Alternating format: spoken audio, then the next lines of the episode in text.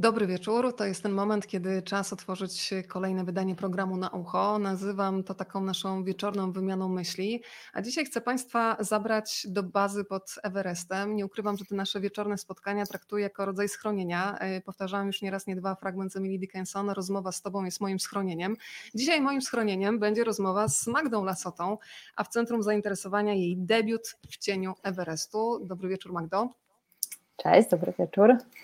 Zachęcam do tego tradycyjnie, żeby Państwo witali się i dawali znać, w jakich miejscach w Polsce i na świecie nas e, słuchacie. I też jedna bardzo szybka i prosta informacja, jeżeli tym spotkaniem chcecie się podzielić ze swoimi przyjaciółmi i znajomymi, to nic prostszego, wystarczy udostępnić to spotkanie. W jaki sposób? E, pod tym okienkiem, w którym nas teraz widać, są trzy opcje. Można komentować, można lubikować i można udostępniać. Jest taki przycisk udostępnij, wystarczy nacisnąć i nasze grono będzie się poszerzać. I już jesteśmy, uwaga, uwaga, w Brześciu mhm. Kujawskim u pani Agnieszki. Dobry wieczór pani Agnieszko. E, dzień dobry, pani Joanna się do nas odzywa. Proszę dawać znać, gdzie państwo są. E, udało ci się już Magda udostępnić, bo ten wiesz, ja, długawy też robi dla ciebie, więc daję ci czas Ja wiedziałam, że to będzie trudniejsze e, niż się wydaje. Ja nie widzę trzech przycisków. A nie masz polub, skomentuj lub udostępnij? Po prostu, po prawej najbardziej. Jak widzisz nasze twarze, to po prawej stronie będzie udostępnione. Ja patrzę na Facebooka teraz. Tak, na Facebooka, na Rozmawiam, bo lubię Patrzę jesteśmy. A Państwo, ja już Nic, sprawdzam, gdzie jesteśmy. Jesteśmy w widzę, Warszawie. Widzę nas na Facebooku na pewno. I właśnie pod tym naszym okienkiem masz y, polub, skomentuj, udostępnij. A my jesteśmy już w Szczecinie, moja droga. I w Neapolu jesteśmy. Ja, ja okej, okay, dobrze, y, dobrze, dobrze. Udostępnij, mam, udostępnij. No i proszę, Ojejku. to nie może być trudniejsze niż zrealizowanie wyprawy pod Everest. Jestem przekonana. Słuchaj, zanim się zagłębimy w książkę, to ja muszę Cię zapytać o emocje debiutantki. E, pamiętam dokładnie sprzed roku swoje emocje, kiedy się pojawiłam w Empiku i zobaczyłam swoją książkę, mm. więc zastanawiam się, jakie Ty miałaś uczucia, bo to jest jednak niesamowite, kiedy coś najpierw bardzo długo jest w głowie, potem się materializuje, przychodzisz, i jest Twoja książka. Co poczułaś? Tak, i wiesz co, i wtedy w ogóle nie czujesz, że to tak długo powstawało, prawda? I tak się zastanawiasz, kiedy to się stało i nagle jest. Um, I to było niedawno, bo ja chyba dwa dni temu dopiero poszłam do Empiku i ją zobaczyłam. Wiesz co, ja, ja nie wiem, czy ja kiedykolwiek w to uwierzę. Ty uwierzyłaś? E, ja miałam takie wrażenie, pamiętam jak się pojawiłam w wydawnictwie i tak wzięłam do ręki i wszyscy myśleli, że ja zacznę skakać z radości, a ja byłam tak wypompowana energetycznie, tak, że miałam tak, sobie tak. radość, ale nie potrafiłam takiej euforii e, z siebie tak. wygenerować. Bo to jest bardzo dużo emocji, to, to są różne emocje i ja też tak zawsze powtarzam, że e, dobre emocje też męczą i też potrafią dać w kość. I ja chyba ostatnio dużo przeżywałam, bo pis... ja w ogóle uważam, że pisanie to nie było najtrudniejsze najtrudniejsza część e, powstawania, e, tak, na drodze do powstania tej książki. Um, bo ona już długo powstawała, wiesz, jak się wybiera okładkę, jak e, cały ten proces wydawniczy też bardzo długo trwa. I ja, dosta, ja dostałam też przecież egzemplarze, zanim one weszły do Empiku i podpisywałam też, no ale tak, no, no nie, ja nie uwierzę chyba, że Lasota jest w Empiku. nie, dla mnie to jest, to jest, to jest, to jest abstrakcja. Tak, i w innych księgarniach też, bo wiesz, ja nigdy nie, nie, nie sądziłam, że ja napiszę książkę i to, wiesz, moje życie w ogóle nie szło w tym kierunku, więc e, no, kosmos, kosmos. Duma, tak, wiadomo. Gratuluję Ci z całego serca i powiem Ci, że jesteśmy już między innymi w Warszawie, w mm. Otwocku, w Suwałkach, we Wrocławiu, w Gdańsku, w Trójmieście, Norwegia. O, tak myślałam, że będzie też międzynarodowo. Norwegia. Żory pozdrawiają. Jest Och, też Poznań, Pszczyna, Jelenia Góra. Bardzo się cieszę, drodzy Państwo. O proszę, Paweł jest prosto z Mokotowskiej. Bardzo się cieszę. Podczas całego spotkania, od razu to Państwu mówię, można zadawać pytania i mam nadzieję, że ciekawość będzie Państwa prowadzić. I od razu powiem, że jedna z książek to zasługa pana Piotra z wydawnictwa SQN, będzie szukać domu, więc proszę sprawdzać miejsce na półce i no i serce myślę, że gotowe na przyjmowanie kolejnych emocji już jest. Otwieram książkę przy tobie. Mm, dobrze. I Chociaż ja wiem, że otworzyłaś ją wcześniej już. Oczywiście, ja ją całą już przeczytałam od deski do deski, ale zawsze, kiedy zaczynam, zatrzymuję się przy dedykacjach E, I już e, ten wstępnie trochę rozłożył na łopatki, tym bardziej, że też miałam dziadka Franka. Książkę tę dedykuję dziadkowi Frankowi, który odszedł w wieku 99 lat, miesiąc przed moim wyjazdem w Himalaje. Wierzę, że to jemu zawdzięczam miłość do podróży, wierzę, że się mną tam opiekował, bo tak mi obiecał przed śmiercią. Magda, powiedz y, trochę o energii dziadka Franka, bo ja bym bardzo chciała, żebyśmy tę energię poczuli, bo to jest tak, że ludzie żyją, dopóki są w naszej pamięci. Mm, więc pozwólmy sobie na dzień dobry, na takie wyjątkowe spotkanie z dziadkiem Frankiem. Mam od ciebie też zdjęcia, więc no, będzie można wspaniałego dziadka Franka zobaczyć. A ty opowiadaj, jeżeli mogę cię o to poprosić. Ja sobie obiecuję, że się nie będę wzruszać przy tej dedykacji, ale a, nie da się inaczej. Mhm. Tato, jest. Wspaniały dziadek Franek. No dla mnie to było strasznie trudne, bo wiesz, ja, ja, się bardzo intensywnie przygotowywałam do tego projektu. Ja wiedziałam, że zaraz wyjadę i wiedziałam, że on jest też ja przepraszam za łamiący się głos, ja po prostu nie potrafię jeszcze inaczej. Ja wiedziałam, że e, no, on jest w coraz gorszej kondycji. Jakoś tak nie wiedziałam do końca chyba na czym się skupiać. Ostatnie miesiące przed wyjazdem były straszne dla mnie. E, no i tak, ja wierzyłam, że, że on mówił prawdę, że on się mną tam opiekował, bo przecież że wszystko dobrze się skończyło i, i wróciłam bezpiecznie i tak często też o nim tam myślałam. Dziadzio. Dziadzio był cholerykiem, tak jak ja. E, I on robił coś takiego, że jak się denerwował już bardzo i się kłócił z babcią, wsiadał w samochód i jechał przed siebie. Mhm. E, I ja robiłam dokładnie tak samo. I strasznie kochaliśmy podróżować oboje i kochaliśmy prowadzić samochód. E, no i nie wiem, dziadek był po prostu najbardziej pozytywną osobą na świecie. Oczywiście on miał ze swoimi wielkimi uszami sporo, ale on nigdy niczego nie wymagał, on nigdy nie miał pretensji, on nigdy nie, nie kazał nam, nam, bo jeszcze mam brata i siostrę, przyjeżdżać częściej albo rzadziej. On po prostu zawsze ogromnie się cieszył z tego, że my jesteśmy. I dla mnie to było takie niesamowite, że że w nim była tylko taka miłość do nas. E, no z wnukami wiadomo, też zawsze jest inaczej. Mm, dziadek był w obozie koncentracyjnym w Dachau, spędził tam kilka lat e, i on nigdy nie opowiadał smutnych historii, on zawsze opowiadał śmieszne historie, kogo poznał i, i kurczę, i to, ja myślę, że to się rzadko zdarza, że ludzie z takich traum wychodzą zupełnie inaczej. Może część z nich dziękuję, że, że, że przeżyło, może część e, nigdy nie wybaczy, nie wiem, e, swoim oprawcom. A dziadek opowiadał śmieszne historie, jeździł do Niemiec niedługo po wojnie, lubił Niemców i kurczę, no to było takie chodzące dobro. Dla, dla mnie, dla mnie taki był. No jeszcze jak dziadek już był starszy, no, bo on bardzo długo też prowadził samochód i bardzo długo był w świetnej formie fizycznej i psychicznej, no to już jak nie mógł prowadzić e, kilka lat temu, jeszcze zabierałam go na wakacje i e, pojechaliśmy do Włoch razem i do Francji, na Węgry, więc jakoś tak mu się jeszcze byłam w stanie odwdzięczyć. Magda, muszę Ci powiedzieć, że żałuję, że teraz e, nie siedzimy faktycznie obok siebie i że chciałabym bardzo, żeby nie było pandemii, bo bym Cię po prostu wyściskała. Zresztą Państwo też sobie przypominają, zobacz, już jest chyba trzecia osoba, która e, wspomina dziadka Franka. Dziadka Franka. Więc no. to jest tak, że każdy z nas otwiera sobie teraz pewnie taką szufladkę z dzieciństwa pełną wzruszeń i myślę, że tych wzruszeń dobrych też nie ma się co wstydzić. Bardzo się mm. cieszę, że przynajmniej w kilku zdaniach nam wspomniałaś. E, o dziadku, ale piszesz też w tej dedykacji, że to jemu zawdzięczasz miłość do podróży. Pamiętasz jakieś takie wspólne wyprawy, takie miejsca, które właśnie dziadek ci pokazywał? Dziadek najbardziej kochał Polanicę Zdrój. To znaczy, nie, tak, tak się śmieję, bo, bo, bo, pamiętam, że za każdym razem jak byłam w domu, no to jechałam z dziadkiem samochodem, jechaliśmy na kawę. E, jak już się wyprowadziłam z domu i zawsze przyjeżdżałam do rodziców, on mieszkał z rodzicami w Kotlinie Kłodzkiej. I to tak było, że my wsiadaliśmy w samochód, zjeżdżaliśmy z takiego długiego podjazdu e, u moich rodziców i, i zawsze pytałam, dziadzio, to gdzie jedziemy? On mówi, gdzie tylko chcesz. No, a ja mówię, no to do Międzygórza, nie, do Międzygórza nie, no to do Długopola, nie, to co, do Polanicy, no to jedźmy do tej Polanicy.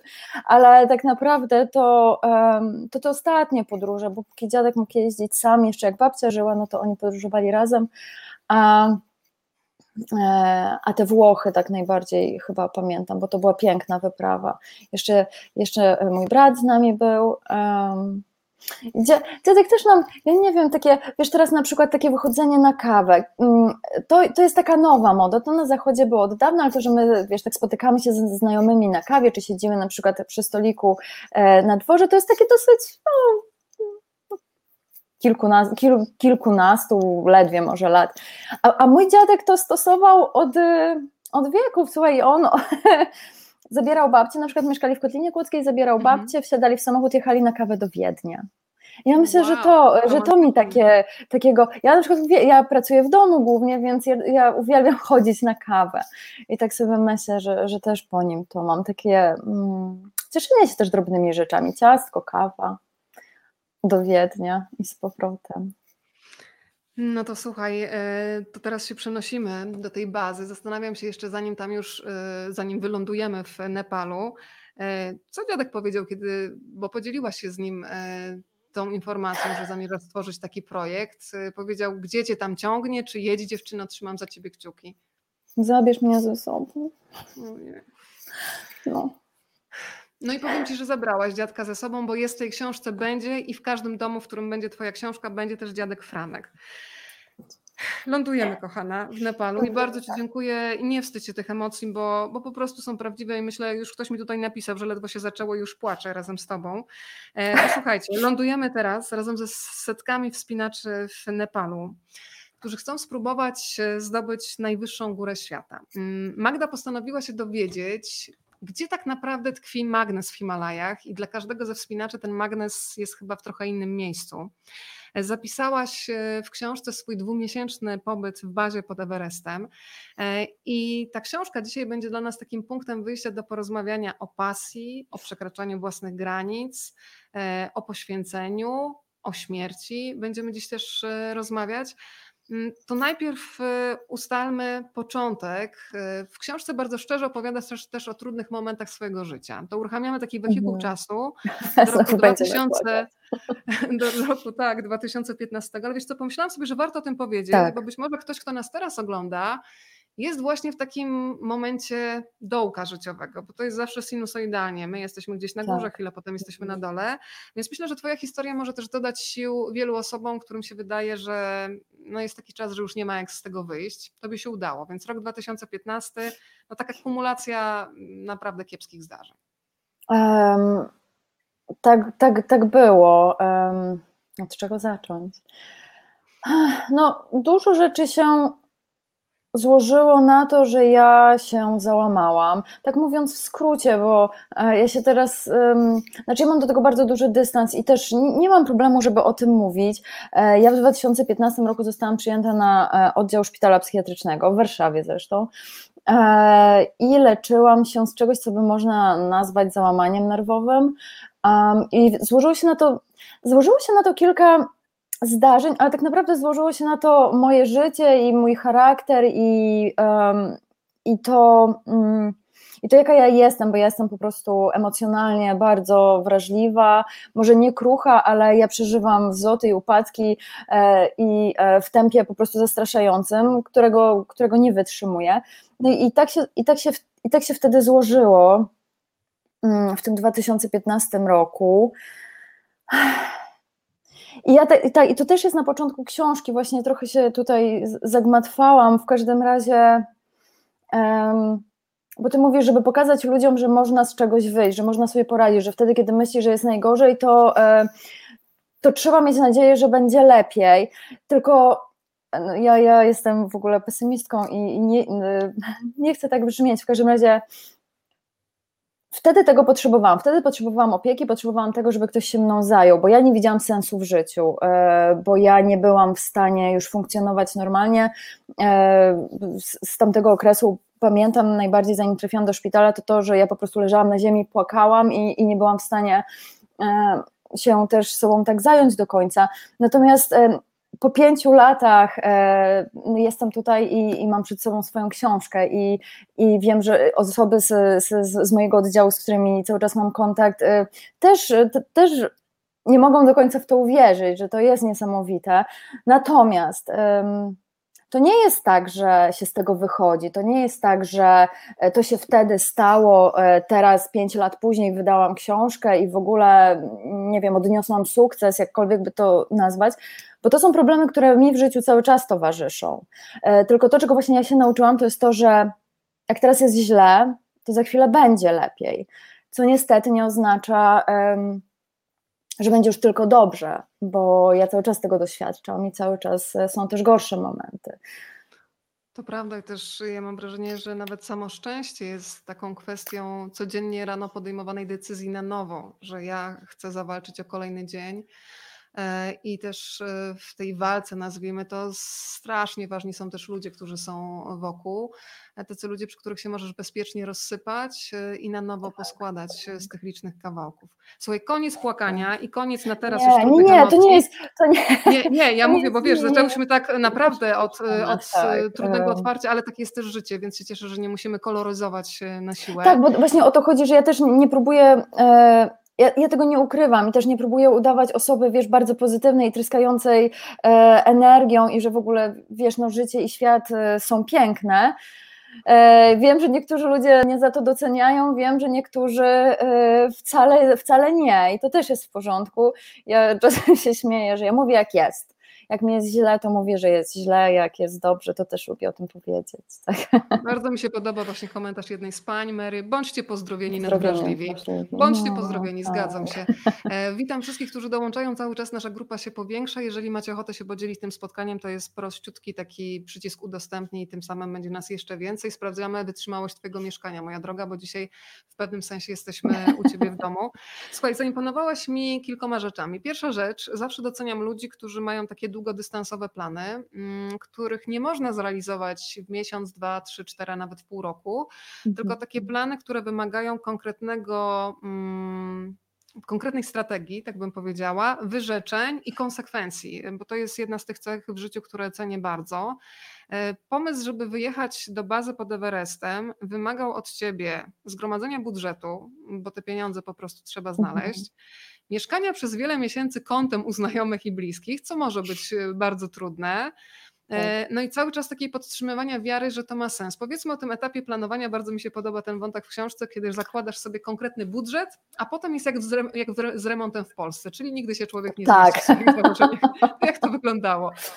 Ale to też tak wyglądało, że wiesz, ja zakładałam swój budżet e, nie wiedząc, co e, nepalska agencja tak naprawdę mi powie. I to też tak było, że moje podejmowanie decyzji, czy ja ten projekt zrobię, czy nie, e, to trwało bardzo długo, bo ja cały czas czekałam na odpowiedź na palczyków. Ja bardzo długo na tę odpowiedź czekałam i w międzyczasie to już właściwie postanowiłam, że to zrobię tak czy inaczej i zaczęłam o tym mówić no bo chciałam, bo cel w życiu też jest bardzo ważny i ja wtedy potrzebowałam tego celu, ja sobie go, on właściwie znalazł mnie chyba bardziej. No i tak, i tak, i tak zaczęłam o tym mówić, no i przyszła odpowiedź na palczyków, która w ogóle, bo ja sobie zakładałam 5 tysięcy dolarów chyba, że jeżeli to będzie kosztować 5 tysięcy mhm. dolarów, to jeszcze jakoś podałam. No oni powiedzieli 10 tysięcy dolarów, a przecież y, loty, ubrania i, e, i, i tego wszystkiego było dużo więcej. Um, no ale tak, to już było za późno, bo ja już wiedziałam, że pojadę. I wiesz, i to chyba też tak jest, że że pieniądze ostatecznie, jak bardzo chcemy, to one się znajdą. Ja też tak mówię, że to były, dro- to były drogie wakacje, to był drogi projekt, e, natomiast gdyby jego nie było, to ja tych pieniędzy i tak bym nie miała, bo ja bym się tak bardzo nie starała, żeby je, żeby je znaleźć, więc nie mogę powiedzieć, że, bo, bo, bo, bo czasem można powiedzieć, no wyjechałabym w tyle miejsc na świecie. E, no nie wyjechałabym, bo nie miałabym takiej mobilizacji, żeby te pieniądze po prostu e, zbierać. No i co? No i zbierałam przez rok, tak. To powiedz, jak to zbieranie konkretnie wyglądało. Może to będzie wskazówka dla tych, którzy jeszcze nie mają w sobie tyle odwagi. Ojej. E, bo z jednej strony to jest Twoja praca, z drugiej strony pojawił się też e, portal Polak Potrafi, tak, dobrze pamiętam. Tak, tak, e, tak. Powiedz, to też jest chyba bardzo budujące, kiedy okazuje się, że ludzie chcą pomóc innym spełniać marzenia. Dla mnie to jest zawsze to jest że, że ty się tak. boisz prosić, a nagle się okazuje, że kiedyś że czegoś potrzebujesz, że tak. ludzie po prostu dają, bo, bo jesteś tak. szczery i po prostu mówisz o co ci chodzi. Opowiedz trochę o tych emocjach przy, przy, przy konstruowaniu budżetu. I to znowu był taki roller coaster y, dla mnie, bo mm, no dobrze, z jednej strony rzeczywiście bardzo ciężko pracowałam, bo y, wiele osób nie wie, y, ale ja jestem tłumaczem i po prostu pracowałam od świtu do, y, do, do nocy i tłumaczyłam i tłumaczyłam i jak już mi się wydawało, że nic więcej nie jestem w stanie już wcisnąć, to jeszcze wciskałam. Robię zdjęcia, więc zarabiałam też na, na sesjach zdjęciowych. Zrobiłam coś, czego nie robię jest to dla mnie dlatego, że jest stresujące, czyli sfotografowałam nawet dwa śluby, e, ale nie robię tego, bo jest to dla mnie nerwowo absolutnie wykańczające. E, no i z jednej strony było to, z drugiej strony zrezygnowałam rzeczywiście z mieszkania, bo, bo 2000 miesięcznie to jest e, dużo pieniędzy, które można zaoszczędzić. No tak, tylko że to, to z drugiej strony było, było męczące, bo bo ja podróżowałam między Warszawą, Wrocławiem, e, domem rodzinnym w Kotlinie Kłodzkiej, bo przecież miałam też zlecenia, więc ciągle gdzieś musiałam być, e, też w związku z, też w związku z, z projektem, z, z jakimiś wystawami jeszcze wtedy, więc dla mnie to był, ile to trwało? To trwało rok przygotowania trwały rok, bo od mojego pierwszego Nepalu do mojego drugiego Nepalu minął dokładnie rok i to był, e, to był szalony rok. Ja w ogóle nie wiem, kiedy on minął, tak samo jak nie wiem, kiedy minął rok e, pisania książki. I e, ja byłam wykończona, absolutnie, byłam fizycznie wykończona, emocjonalnie wykończona, bo właśnie ta zbiórka na Polak potrafi ja nie pamiętam, kto mi ten pomysł poddał, E, tak, i nie wierzyłam, i nie byłam pewna. I to jest e, formuła, mm, e, porta, e, formuła zbiórki na Polak Potrafi jest taka, że wszystko albo nic.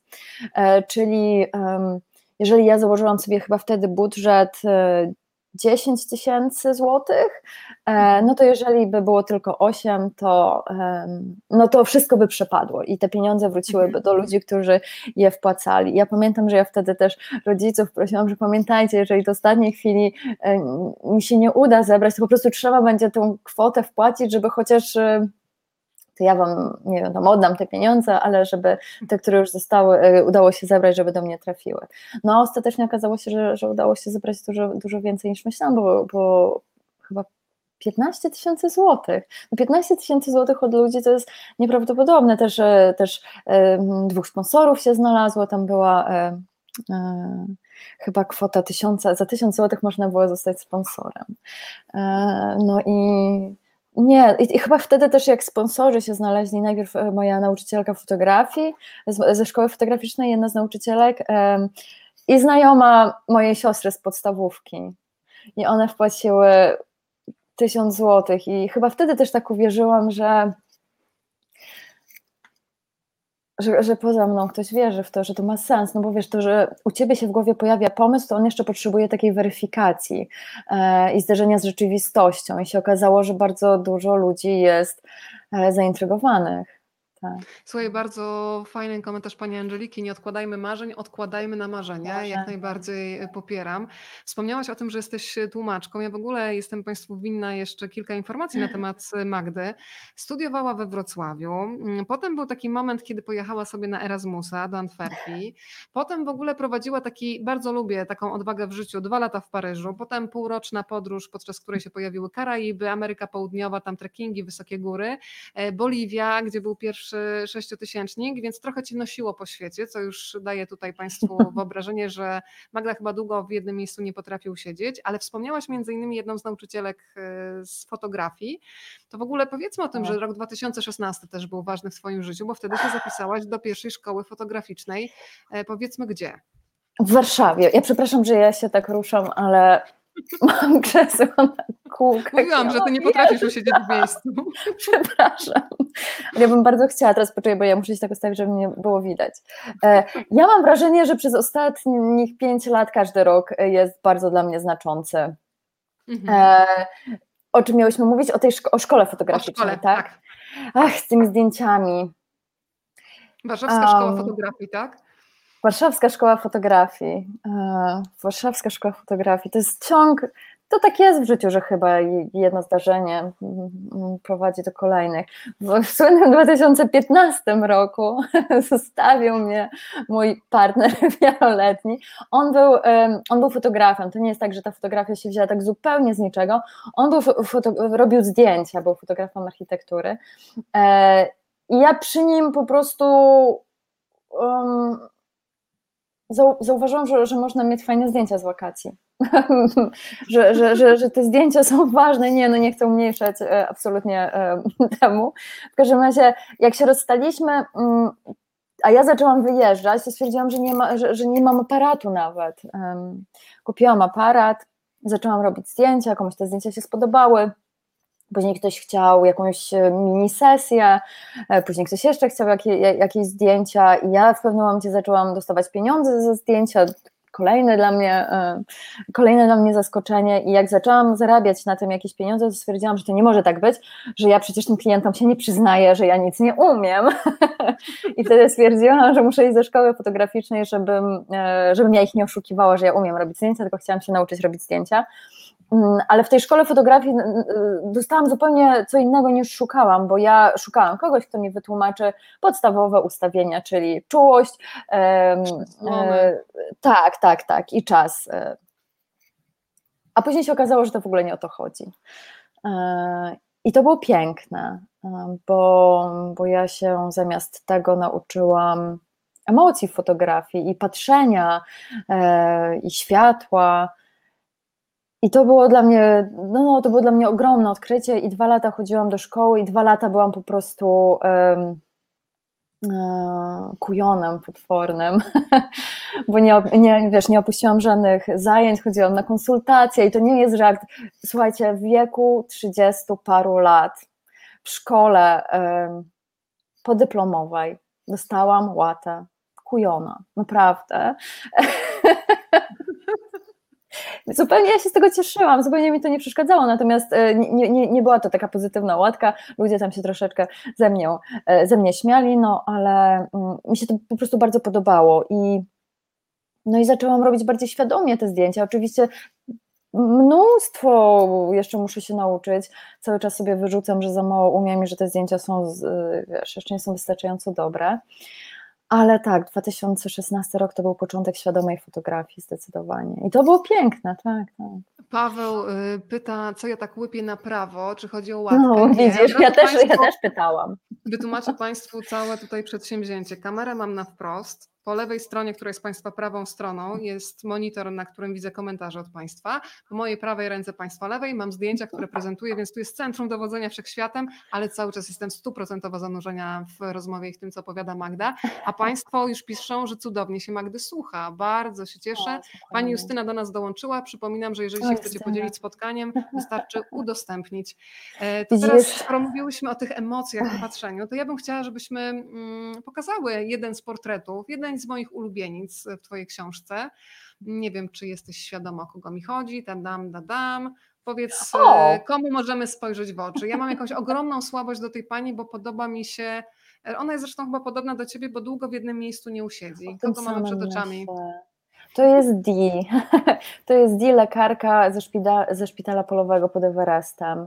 Um, tak, jak słucham jej historii, to myślałam o tym samym dokładnie, że um, że, że nosi nas, że nie potrafimy sobie znaleźć miejsca. Dee jest Irlandką, um, po studiach wyjechała do Australii um, i tam zaczęła pracować jako lekarz, e, ale po tej Australii podróżowała, później wracała z powrotem do domu pracowała też, e, już teraz tak dokładnie nie pamiętam, ale jeździła i po Stanach i, i, chyba, i chyba w Kanadzie też była jest też taka organizacja Praca z latającymi lekarzami, o której tak, wspominasz tak, w Australii. Bardzo tak, mnie to e, tak. zafascynowało, a mój mąż westchnął, jak usłyszał, że była wo, jako wolontariuszka w Papui Nowej Gwinei, która mu się zawsze marzy, to moją tak. wyobraźnię to też e, pobudziło. No ale powiedzmy, co ona robiła w Himalajach, bo też e, spotkanie z nią jest punktem wyjścia do powiedzenia o no, wyjątkowym szpitalu, który się mieści. Najwyższym szpitalu, najwyżej położonym szpitalu na świecie. Pod Everestem działa szpital, nazywa się Everest Czyli taki ostry dyżur. On działa już kilkanaście lat, został założony przez Amerykankę, lekarkę. Jak to się zaczęło? Była sobie lekarka, e, Amerykanka, która, kocha, która, która wybrała się kiedyś w Himalaje, później w te Himalaje jeździła regularnie, bardzo jej się podobało i, um, i ona zauważyła, że właśnie nie ma dobrej opieki medycznej e, dla szerpów, czyli e, oczywiście ludzie na Everest już wtedy wchodzili, ona była w bazie pod Everestem, widziała co tam się dzieje, e, jakoś bardzo dotknęło ją to, że właśnie ludzie, którzy najciężej pracują, nie mają żadnej pomocy medycznej, nie są ubezpieczeni w ogóle często giną. E, I ona postanowiła e, założyć szpital polowy, który byłby pod Everestem w najwyższym sezonie, czyli wtedy, kiedy, kiedy najwięcej wypraw się odbywa, mm, od marca do maja mniej więcej.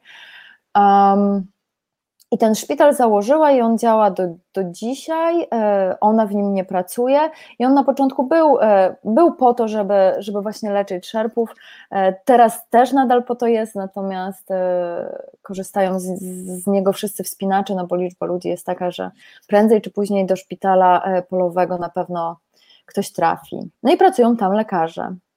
Marta, powiedzmy, bo Państwo już piszą, że piękne zdjęcia, jak w ogóle takie studio mobilne wyglądało, bo miałaś jasną koncepcję, żeby te portrety były w podobnych warunkach robione, tak żeby mm. można było faktycznie Twoim bohaterom spojrzeć w oczy.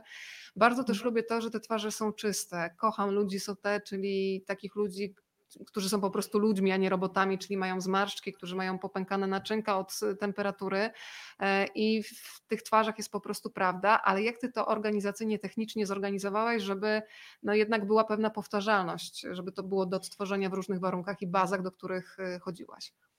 E, to jeszcze Ci powiem, że ja też takie zdjęcia lubię, natomiast fotografowane osoby, jak się okazuje, niekoniecznie zgłaszali zastrzeżenia, tak, że, że wyglądają wiesz, staro. Ale my mogłybyśmy mieć tak samo, gdybyśmy my Oj, na pewno, tak, tak, tak. Prawda? No, więc ja bym tutaj... się nie dała sfotografować. um, ja miałam, um, ja miałam koncepcję, i wiedziałam, że chcę, żeby osoby, żeby, żeby była sama twarz, żeby ta twarz była, patrzyła prosto e, w obiektyw, żadne z góry, z dołu, z lepszego profilu, e, to ma być e, takie spojrzenie prosto w kamerę i ma być czarne tło. Tyle wiedziałam. I chciałam, żeby one właśnie były podobne. I, no i ludzie pytają, i to jest bardzo proste. Ja po prostu um, kupiłam na Allegro czarne prześcieradło, zabrałam je ze sobą do bazy pod Everestem. Um, tak. W, w Leroy Merlin kupiłam takie zaciski.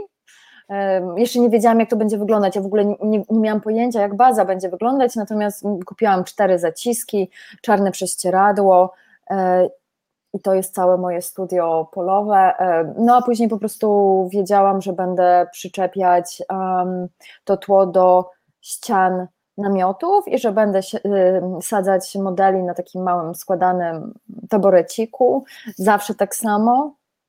E, no i, no i tyle, i tak naprawdę, tylko że to nie było takiej powtarzalności, jakbym chciała, bo przede wszystkim um, dzień jest, dzień ładnej pogody jest krótki pod Everestem rano jest ładnie, około południa pogoda się już psuje, więc też wiedziałam, że muszę te zdjęcia robić w miarę wcześnie, ale też w zależności od tego, w którą stronę namiot był ustawiony, no to te zdjęcia wychodziły albo lepiej, albo gorzej. Się później nauczyłam, że tak naprawdę modele muszę posadzić tak, żeby on patrzył na lodowiec, na icefall, to wtedy najlepiej odbija się światło i kilka takich zmiennych było, nie zawsze mi się to udawało, więc nie wszystkie portrety wyszły dobrze, nie ze wszystkich byłam zadowolona, ale kilka jest takich, e, które bardzo lubię i które, które się udały. Też ten taboret miał duże znaczenie, bo ja chciałam, żeby, żeby im było trochę niewygodnie tak naprawdę i żeby to słońce trochę ich raziło i ten lód, y, oczywiście tam ciężko chodzić też tam właściwie cały, cały czas jest ja,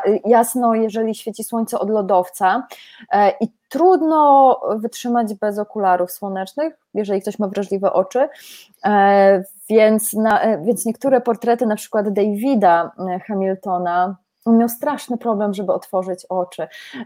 I, to, i, i ten taboret, na którym jest niewygodnie, na którym trzeba się prostować, i te i to słońce właśnie, które tak, i, i, i ten lodowiec, które tak, które tak rażą w oczy, e, no to, no to jeszcze bardziej um, um, może to nie powodowało, że, że w nich jakieś emocje się odzywały, ale na, ale na zdjęciu wygląda jakby, jak, no, jakby jeszcze więcej było mm, w tych oczach i na tych twarzach. Magda, Więc bardzo Ci dziękuję za to, że można spojrzeć w oczy i bardzo lubię mm, uśmiech, który Państwo zobaczą. Cieszę się w ogóle, że podesłałaś mi te zdjęcia i że możemy się tym uśmiechem podzielić. To jest dla mnie jedna z ciekawszych bohaterek, y, która podjęła się wyzwania wejścia na Everest. Mm. Pochodzi z RPA i, i zacytuję to, co ci powiedziała w książce. Jedno musisz zrozumieć. Jestem czarnoskóra i tam, gdzie mieszkam, nikt czarnoskóry się nie wspina. Gdybym jako mała dziewczynka chciała zostać powiedzmy Wonder Woman, to stwierdziłabym, że nie mogę być superbohaterką, bo nie jestem biała. Teraz nie obchodzi mnie, skąd pochodzę i jaki mam kolor skóry. Mogę stanąć na dachu świata jak każdy inny. Jeśli zdołam przekonać choć jedno dziecko, że kolor skóry nie ma znaczenia, że każdy może zostać superbohaterem, to nadal będę się starać osiągnąć swój cel. Powiedz trochę więcej o tym spotkaniu. Mhm. E, ta dziewczyna też, kocham też tą twarz z bliznami. Ja zawsze mówię o tym, że nasze blizny często są ciekawsze od jakichś idealnych rysów e, twarzy, od tego, że jesteśmy właśnie, nie wiem, wymodelowani, wypieszczeni, zbotoksowani, e, tylko każda blizna to jest jakaś historia. Powiedz e, trochę o Sarai, bo to ona pochodzi z RPA. Twarz, na którą uwielbiam patrzeć. Um, tak, to było, to było ciekawe spotkanie i um, ja w ogóle jestem wielką szczęściarą, że poznałam tych ludzi, których poznałam, bo te historie niektóre naprawdę były niezwykłe. Jej historia jest taka. Nie wiem od czego zacząć nawet, ale też nie chcę za dużo zdradzać. Bo... To tylko tak na podsycenie apetytu, żeby Państwo chcieli sięgnąć pociąg dalszy. Ona w tym roku to, był, to była jej to była jej czwarta próba wejścia na Everest. Ona wcześniej próbowała kilka razy, e, za, za, za żadnym razem wcześniej jej się nie udało. Raz prawie zginęła. Te blizny nie są, e, nie, nie są oczywiście spod Everestu. Ona, ona niemalże zginęła w czasie wypadku. Jeździł, jechała rowerem, po prostu trenowała na rowerze i miała wypadek. I to było pomiędzy jej Everestami. Ludzie mówili, że ona w ogóle nie dojdzie już nigdy do siebie. Ona kilka miesięcy później przebiegła maraton, a, a niedługo potem, teraz już nie pamiętam, czy to było rok czy dwa lata później, e, wybrała się znowu po, pod Everest. I ja się bardzo zastanawiałam, dlaczego, e, że skoro tyle razy jej się nie udało, czemu ona podejmuje kolejną próbę, bo. No, no, ludzie się zastanawiają, przecież e, może ta góra dała ci już e, do zrozumienia, że nie powinna że nie powinno ciebie tutaj być, może to nie jest dla ciebie, natomiast właśnie ona chciała udowodnić wszystkim, dlatego miała taką motywację, bo ona chciała pokazać, że właśnie ona może być e, tą Wonder Woman, że ona pokaże dzieciakom, że, że nieważny jest kolor skóry, że można osiągnąć naprawdę bardzo wiele no, no zdradzę, że jej się udało wreszcie, że ona na tym Everestie stanęła, została pierwszą czarnoskórą kobietą na Everestie, bo ona mówiła właśnie, że co prawda sytuacja w RPA mm, czarnoskórych y, kobiet się, czy w ogóle na świecie się poprawia, natomiast nadal mają ograniczenia, że można być na przykład pielęgniarką, ale lekarką już niekoniecznie. I um, jest jeszcze kilka takich dziedzin, w których trzeba pokazać, że czarnoskóre kobiety są tak samo dobre, e, jak, e, jak, jak wszystkie inne. E, no i, no i tą działką było jeszcze wejście na Everest, bo ona wcześniej nie miała wcale górskiej historii specjalnej. Po prostu ona i bardziej zależało na tym, żeby pokazać, że może niż na samej górze. Bo często tak jest jednak. To prawda, od razu też powiem Magda, jak skonstruowana jest Twoja książka. I to jest jedyny raz, kiedy zdradzamy finał historii, ale tutaj no po prostu trzeba żeby ona wybrzmiała. Ale to jest bardzo ciekawe, że kiedy wchodzimy w tę historię, poznajemy ludzi, z którymi rozmawiasz yy, i w zasadzie czujemy się tak, jakbyśmy byli z nimi w bazie i byli świadkami ich wchodzenia, yy, ich sukcesu lub niepowodzeń, bo przecież yy, różne są scenariusze. Mm, więc więcej już zakończeń nie będziemy zdradzać, ale będą Państwo mogli poznać uczestników w tej opowieści. Słuchaj, to ja pokazuję teraz Dobra. bazę, tak żeby Państwo mogli poczuć. Okay. Powiedz, na jakiej wysokości nad poziomem morza my jesteśmy, kiedy mówimy hasło baza pod Everestem? Prawie 5,5 tysiąca metrów. To jest, jak ty się e... czujesz? Bo to już chyba się trochę mhm. gorzej oddycha, nawet nie trochę, a bardzo. Nawet jak o tym myślę, to mi się gorzej oddycha. E, jeżeli ktoś e, teraz na przykład z Warszawy czy z Wrocławia mm, helikopterem został przetransportowany do bazy i tam wysadzony, no to by umarł, e, bo, mm, bo tam brak aklimatyzacji i właśnie mała ilość tlenu w atmosferze doprowadziłoby do obrzęku płuc i mózgu i e, no i, no i właściwie tak to by się prawie na 100% skończyło. Przechodząc tę całą drogę do bazy pod Everestem, to trwa albo od powiedzmy tygodnia do 10 dni, aklimatyzuje się i jest to możliwe, natomiast to nie jest tak, że na tej wysokości, nawet przy um, zdobyciu tej aklimatyzacji, żyje się normalnie, oddycha się normalnie, e, bo tego tlenu w atmosferze cały czas jest za mało. To nie jest miejsce, w którym można żyć, w którym się powinno żyć dłużej, więc nawet takie najprostsze czynności. Ja pamiętam, że nawet nie wiem, nalewanie herbaty e, powoduje jakiś wysiłek. E, nie da się tam biegać, nie da się, nie da się prowadzić normalnego życia, więc ten taki, taki bezdech e, i zmęczenie cały czas towarzyszą. Wiesz, co mi przypomniałaś? Pamiętam kiedyś spotkanie z Kingą Baranowską, która pokazywała filmik z jednego ze swoich ośmiotysięczników, ten już Aha. moment wchodzenia na szczyt. I powiem Ci, że ja sama, mimo no, że widziałam przecież dużo filmów górskich, byłam zdziwiona, że to wyglądało prawie jak takie powolne, na slow motion ruchy, prawie jak w kosmosie, że każdy tak. ruch to był koszmarny wysiłek i dopiero to do mnie dotarło, kiedy zobaczyłam film, e, że to jest tak spowolnione i jaki za tym idzie wysiłek. Tutaj jesteśmy w barze, jeszcze cały czas tak, przypominam, a tak, e, nie na szczycie. Słuchaj, to powiedzmy o codzienności, bo trochę już e, ten wątek otworzyłaś. Pokażemy Państwu prysznic, toaletę. E, bardzo lubię zdanie, że w zasadzie prysznic raz w tygodniu wystarcza. Więc jak to jest z tą higieną pod Everestem? Ja w ogóle bardzo się długo jakoś tak zastanawiałam i broniłam przed tym, czy pisać o takich rzeczach w książce, bo tak myślałam, że może ta książka będzie Daj spokój, wszyscy są ciekawi tak naprawdę, Właśnie, jak to wygląda. Wszyscy... tak, ja wiem, że to był najciekawszy też temat na prelekcjach. Um, I to jest to jest bardzo e, zaskakująco wygodne. Ja też się oczywiście bałam, bałam tego, jak ja będę dbać o higienę, no taką najbardziej podstawową, czy, czy, czy gdzie będę załatwiać swoje potrzeby. Natomiast w bazie pod Everestem to jest tak e, tak rozwi rozwinięta infrastruktura i po prostu przecież dziesiątki lat ekspedycji doprowadziły do tego, że e, agencje, które przygotowują bazę e, na przyjście wspinaczy, oni, oni świetnie wiedzą, czego, czego my potrzebujemy, czego oczekujemy i jak to zrobić, żeby było wygodnie. Więc są prysznice, to jest e, prysznic w, mojej, w moim obozie.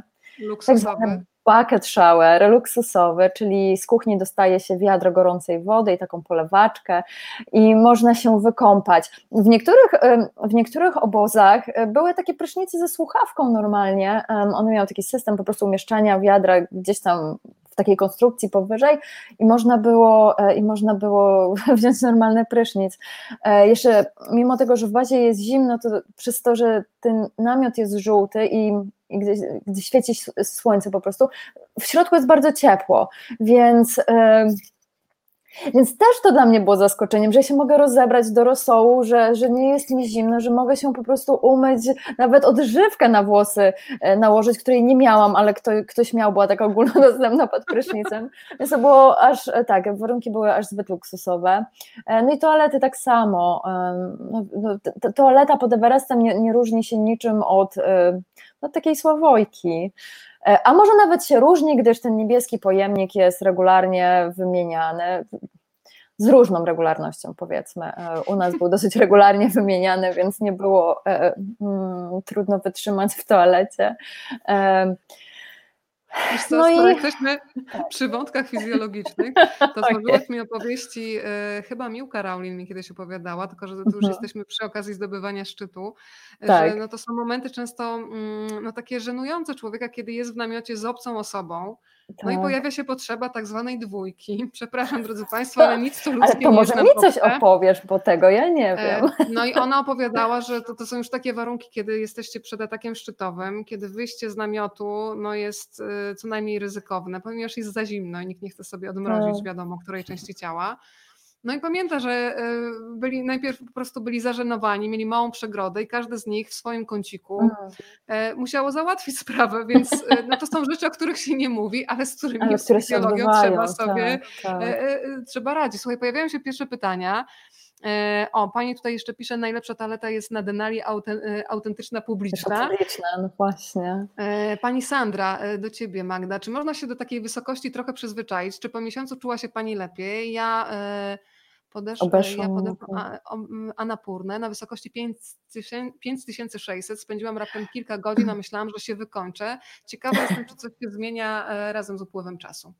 Um, tak, no zmienia się, już się człowiek nie wykańcza, e, nie jest to, nie, nie, nie są to nadal normalne warunki, nie oddycha się tak jak na poziomie morza, ale, ale do tego się można przyzwyczaić, można się przyzwyczaić, trzeba się też nauczyć, żeby wszystko robić wolno, natomiast taki charakterystyczny ból głowy e, przychodzi, przychodzi w końcu, tak, tak, tak, ale nie powinno się. A jeszcze wrócę, wrócę słuchaj, do tego prysznica, Bardzo raz proszę. w tygodniu, bo oczywiście można było się kąpać codziennie, ale, ale wiesz jak to się mówi, że jak, że um, w zimnie się bakterie wolniej rozwijają. A jak jest z praniem? To zobaczmy jeszcze pranie tutaj. Jak często e, ekipy robiły pranie i to też myślę sobie, że w takich warunkach nawet wyrzymanie tego, no to jest konkretny Och, wysiłek. Tak, tak, tak. Z wyrzym, wyrzymaniem spodni pomagali mi szerpowie albo polara, bo jest to po prostu najzwyczajniej w świecie męczące. Wiesz co, no ja też nie robiłam zbyt często tego prania, może takie, takie większe zrobiłam ze trzy. No kurczę, naprawdę tam się niewiele robi. Tam, tam, jeżeli nie ma rotacji, nie wychodzi się na klimatyzację, to tam naprawdę przez większość dnia po prostu albo się leży w swoim namiocie, albo siedzi się w mesie i rozmawia e, z ludźmi. E, no więc poza jakąś taką bielizną e, osobistą nie ma potrzeby nawet prania koszulek specjalnego, bo, bo kompletnie nic się nie robi. Więc. Ale też, też z drugiej strony nawet jeżeli komuś by, no nie, nie, widzi, się, nie widzi się zabrudzeń, e, bo jakby to powiedzieć, z jednej strony, nawet jeżeli ktoś by się męczył, nie wiem, pocił i ten zapach byłby nieprzyjemny, to, to i tak spod tych wszystkich warstw ubrań tego nie, nie, nie czuć. A druga sprawa jest taka, że e, i tak wszyscy siedzą w tych wielkich, puchowych kurtkach i to nie są jakieś spotkania e, biznesowe, więc jeżeli te spodnie są już utytłane, czy ta kurtka, bo przecież w tych kurtkach się je, więc one, one są po prostu całe w tłustych plamach. Ja swojej kurtki puchowej nie byłam w stanie doprać, i pewnie już jej nigdy nie dopiorę. E, więc wszyscy jesteśmy tam w takim samym stanie, więc przed nikim nie trzeba udawać, że jest lepiej. E, czy na przykład brudne włosy. I tak wszyscy mają czapki na głowach, bo albo świeci słońce i trzeba mieć czapkę z daszkiem, albo jest zimno, więc i tak trzeba tę czapkę mieć. E, zupełnie nie ma potrzeby dbania przysadnego o higienę. Poza tym jednak gorąca woda pod prysznic sama się nie robi, robią ją nasi kucharze i, i nie ma co im dodawać jeszcze więcej pracy. To powiedzmy teraz o y, ludziach z różnych bajek, których y, spotykasz w bazie pod Everestem. E, pokażę Państwu twarz milionera, o którym wspominasz, milionera z Chin. No ale oprócz milionerów, dla których taka wyprawa pewnie jest, no nie wiem, porównywalna do, nie wiem, naszej y, wycieczki dwutygodniowej gdzieś za granicą, no to są też ludzie, którzy biorą pożyczki w banku, mm. żeby zrealizować kolejną wyprawę. Są ludzie, którzy mają taki dalekosiężny plan jak ty, czyli przez rok zbierają na wyprawę. Z jak różnych mhm. środowisk e, pochodzą? No właśnie z każdych. Tam pod Everestem można spotkać każdego, bo ja też, ja też miałam swoje wyobrażenia jakieś i myślę, że, że w ogóle panuje takie, takie wyobrażenie ogólne, że pod Everestem to w ogóle są sami milionerzy, e, że oni nie wiedzą, co ze sobą zrobić, więc po prostu pewnego dnia wpadają na pomysł, to może by Everest. No ale nie jest tak, tak, tak, tak wcale bo i są milionerzy, a są i e, właśnie ludzie, którzy, którzy na przykład biorą już drugi kredyt, albo którzy musieli wziąć dwa kredyty z różnych banków, bo, bo nie mieli na to pieniędzy. Są tacy, którzy, e, którzy oszczędzają przez kilka lat, a są też tacy, którzy na przykład znajdują sponsorów, bo, mm, bo w jakimś sensie ich wyprawa może mieć potencjał e, medialny Mhm. E, więc właśnie jak ludzie mnie pytają, kto jest pod Everestem, to ja mówię, że każdy, kogo sobie tylko wyobrazicie, co też e, z drugiej strony mm, przeszkadza w jakimś takim podsumowaniu, żeby, mm, żeby jakoś e, żeby jakiś wniosek z tego jeden wysnuć, że to są na przykład tacy ludzie albo tacy i tak samo z motywacjami jest, tam jest po prostu każdy, są i kobiety i mężczyźni, młodzi, starzy, Boże, nawet chorzy i zdrowi, bo w 2019 roku taka była dosyć głośna, um, głośna sprawa e, w bazie o tym, że pierwszy raz będzie wspinać się osoba z, z AIDS na przykład.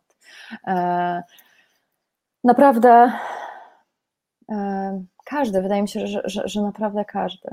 Wiesz, co mnie poruszyło, kiedy wspominasz Chińczyka, który wspina się w protezach po mm. amputacji obu nóg, które, uwaga, mhm. odmroził y, kilkadziesiąt lat wcześniej właśnie na Everestie. Dla mnie to też jest taki przykład na to, y, jaką siłę przyciągania ma Everest, skoro nawet po takich doświadczeniach, po amputacjach e, w protezach człowiek dalej wraca do tego miejsca. Tak, tak. Ja obiecałam, że będę cały czas śledzić Państwa pytania, więc ja nie, chcę być gołosłowna. E, pani Ewa pyta, Magda, czy kiedy już jesteś w bazie, tęsknisz za zwykłymi czynnościami, rzeczami na nizinach, czy raczej będąc już na tamtej wysokości, cieszysz się tym, co dzieje się tu i teraz w bazie pod Everestem? No i to jest właśnie kwestia wyboru bo im bardziej się tęskni, im bardziej się e, chce być gdzieś indziej, tym bardziej się cierpi. Więc najlepiej jest zaakceptować to, um, gdzie się jest i co się robi i co się ma, bo wtedy jest dużo łatwiej i tak samo przecież. Um, no to daje większy, spo, większy, większy spokój i większe szanse na zdobycie szczytu. Ale to jest dobre, właśnie dobre pytanie, bo bardzo wyraźnie było to widać w różnych e, agencjach, w różnych obozach, bo rozmawiałyśmy też o tym, że nie, nieważne, rozmawiałam z kimś o tym, że z jednej strony na przykład są Irlandczycy, którzy, których poznałam, z którymi się zaprzyjaźniłam, którzy świetnie spędzali ten czas pod Everestem. Tam się spędza prawie dwa miesiące. I to jest długo, bez rodzin, bez domu, bez ciepła, e, jedzenia, do którego jesteśmy przyzwyczajeni, a mimo to na przykład część ludzi potrafi e, się tym cieszyć, no bo przecież tak długo na to czekali, więc nie ma co teraz się spieszyć, e, czy już myśleć o powrocie do domu, bo trzeba się cieszyć tym, z kim się jest, gdzie się jest. Oni, Irlandczycy na przykład wieczorem regularnie pili sobie wino albo whisky, oczywiście nie w ilościach niebezpiecznych, ale, ale po prostu cieszyli się z tego, gdzie są. A byli ludzie, którzy po prostu byli tam za karę, dwa miesiące, e, męczyli się i myśleli tylko o tym, że już chcieliby mieć ten Everest z głowy i chcieliby być już w domu, tylko że to też rodzi tako, e, i, i presję, i frustrację, i, e, i niezadowolenie, i później też przecież, a jedzenie nie takie, a zimno, a tego prysznica nie ma, albo jest, albo woda była za zimna. No to, to naprawdę jest kwestia wyboru, więc lepiej nie, lepiej nie cierpieć, e, lepiej włączyć taki tryb, cieszmy się z tego, co mamy. E, I rzeczywiście takie później są statystyki sukcesu przecież, że, że, że wygrywają ci, którzy mm, podchodzą do tego ze spokojem większym. Wspomniałaś Irlandczyków, jak sobie zapisałam słowa jednego z nich, który, mm, które bardzo mi się spodobały. Ludzie za bardzo koncentrują się na szczycie i nie potrafią cieszyć się całym tym doświadczeniem. Gdy wspinam się z klientami, szczyt jest dla nas bonusem. Oczywiście, że mm. świetnie jest na nim stanąć, ale nie będę ryzykował w tym celu życia klienta, ani swojego, ani choćby utraty jednego palca. Szczyt zawsze tu będzie. Hmm. Lubię to zdanie i jaki sens miałoby bycie tutaj, gdyby nie można się było tym cieszyć. Hmm. Ale oczywiście, jak wspomniałaś, to jest jedna z postaw. E, są ludzie, dla których tylko ten szczyt jest e, najistotniejszy. To porozmawiajmy teraz trochę o Twoich emocjach, bo Ty piszesz na początku, że w zasadzie nigdy nie chciałaś wejść na Everest, że zastanawiałaś się, po co się tak męczyć, po co tak marznąć, no ale notujesz taki moment, nawet zacytuję cię, słuchaj, będę teraz Dobrze. moimi ustami usłyszysz siebie. Nigdy nie chciałam wchodzić na Everest, nie interesowało mnie to, bo niby dlaczego tak skrajnie się męczyć, marznąć, narażać życie własne innych. Nie rozumiałam, dlaczego ludzie za wszelką cenę chcą stanąć na jego szczycie, a jednak zaczęłam o nim myśleć, choć nie pamiętam, kiedy dokładnie pojawił się w mojej głowie. To znajdźmy ten moment przełomu, kiedy czujesz, że ten magnes, który do tej pory był tak lekceważąco traktowany, no Mm. przyciąga też ciebie i że jesteś o krok od tego, żeby złamać jakieś swoje ustalenia wobec siebie. W ogóle bardzo mi się po, po, podoba, jak, jak brzmię w Twoich ustach. Bardzo, bardzo ładnie ta książka Polecam wtedy się. brzmi, tak. Może audiobook. W każdym razie. Dobrze. Ojejku, rzeczywiście tak było, że ja, mm, że ja tego nie rozumiałam. Mm, Dlaczego? Nigdy przez myśl mi nie przeszło, chociaż przecież góry kocham i wspinałam się, nie bardzo profesjonalnie, ale jednak.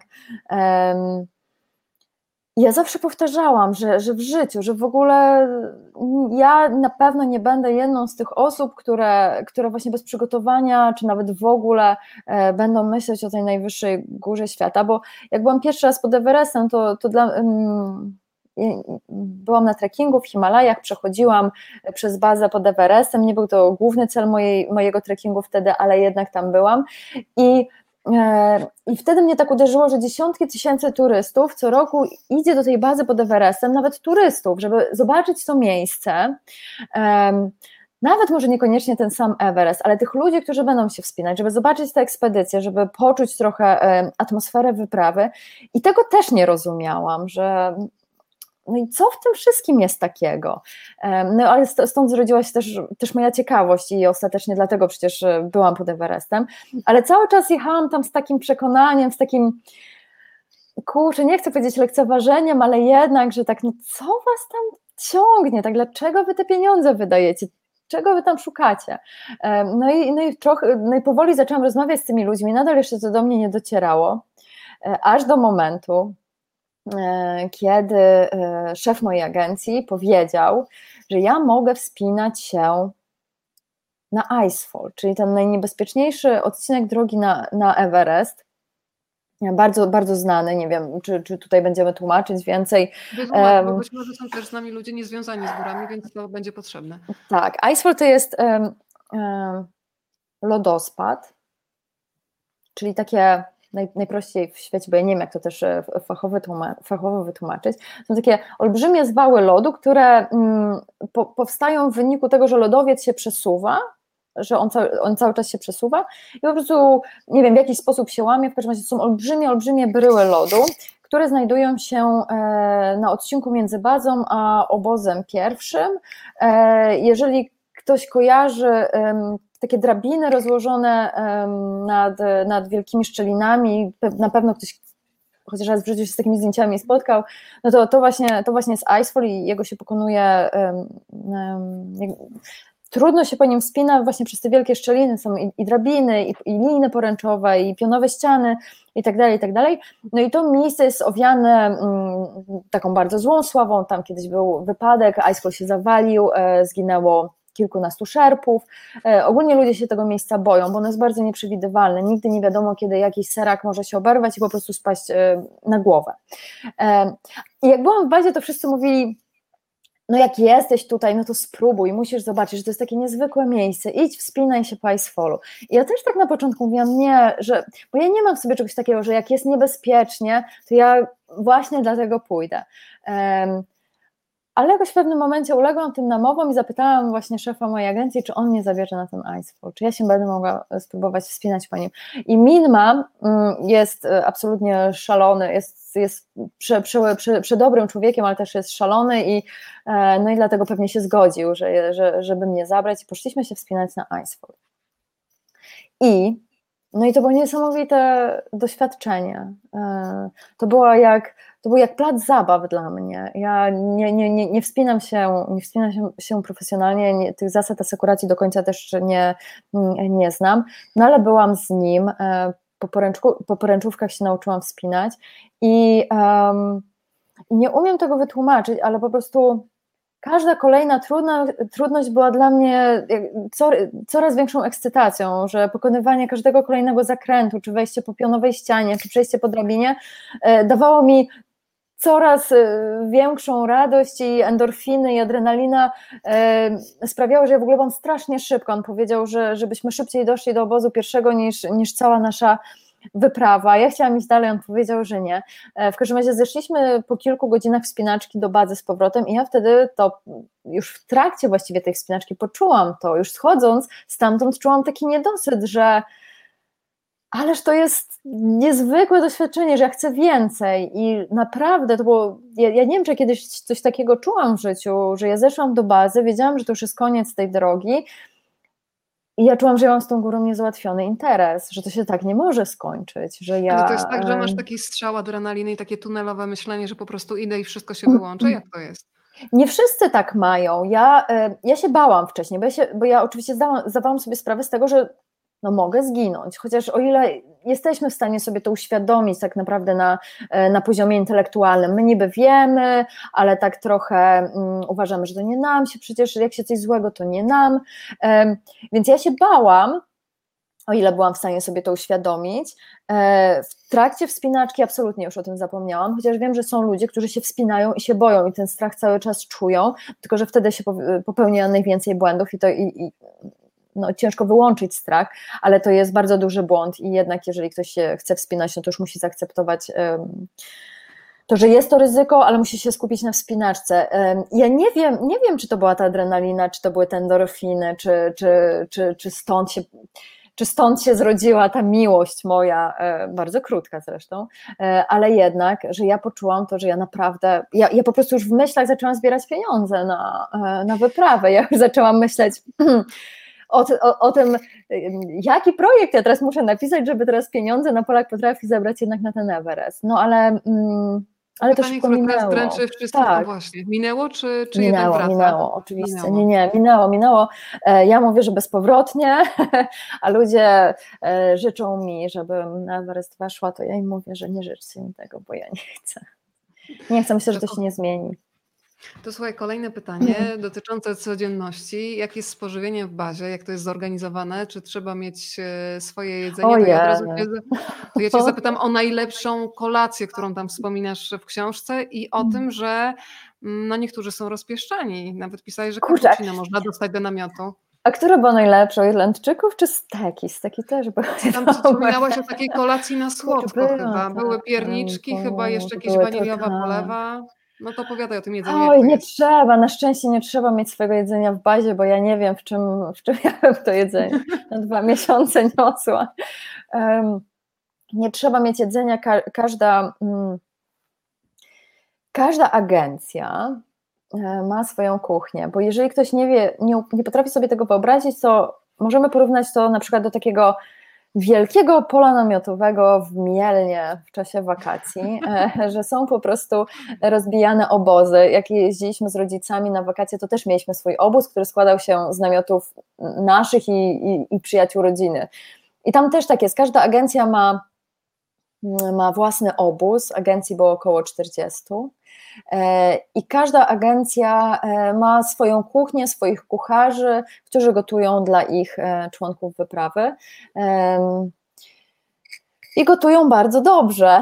I dostaje się trzy posiłki dziennie śniadanie, obiad i kolację i do tego masę przekąsek.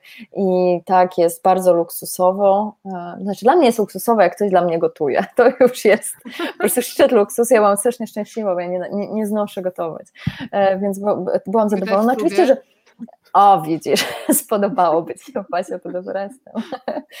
ale, ale oczywiście zawsze są powody do narzekania i dużo ludzi narzekało, że nie dostawało takiego jedzenia, jakie by chcieli. Natomiast e, jak na tę wysokość, jak na te warunki, e, to mm, to, to bardzo można wygodnie żyć, można wygodnie e, się myć, można wygodnie jeść w mesie, przy, przy długim stole, w wygodnych fotelach.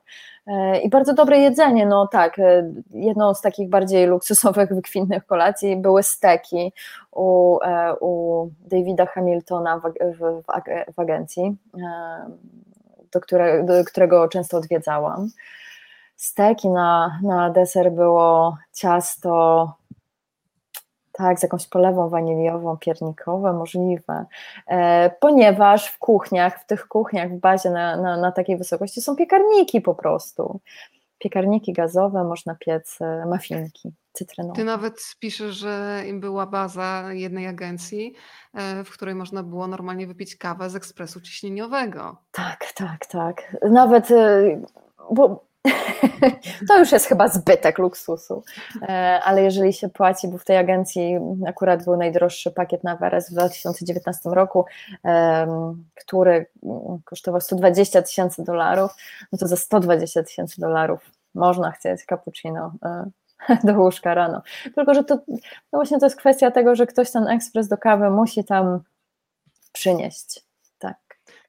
Tak. Magda, są tacy, którzy chcą pójść w Twoje ślady. E, pan Kuba chyba do nas dołączył trochę później, ale więc to pytanie już yy, wybrzmiało, ale, ale bardzo proszę. Pani Magdo, czy sam, sam czytałam ostatnio dużo takiej wyprawie, ponieważ chciałbym do Basecampu się wybrać. Pytanie, jakie to były dla Pani koszty? To powtórzmy, Oj. zakładałaś sobie, piszesz e, we wstępie, że to zakładałaś sobie maksymalnie 8 tysięcy dolarów, a dwa razy więcej mniej ale, więcej. Nie, ale nie, bo ja, ja podejrzewam, że Pan Kuba...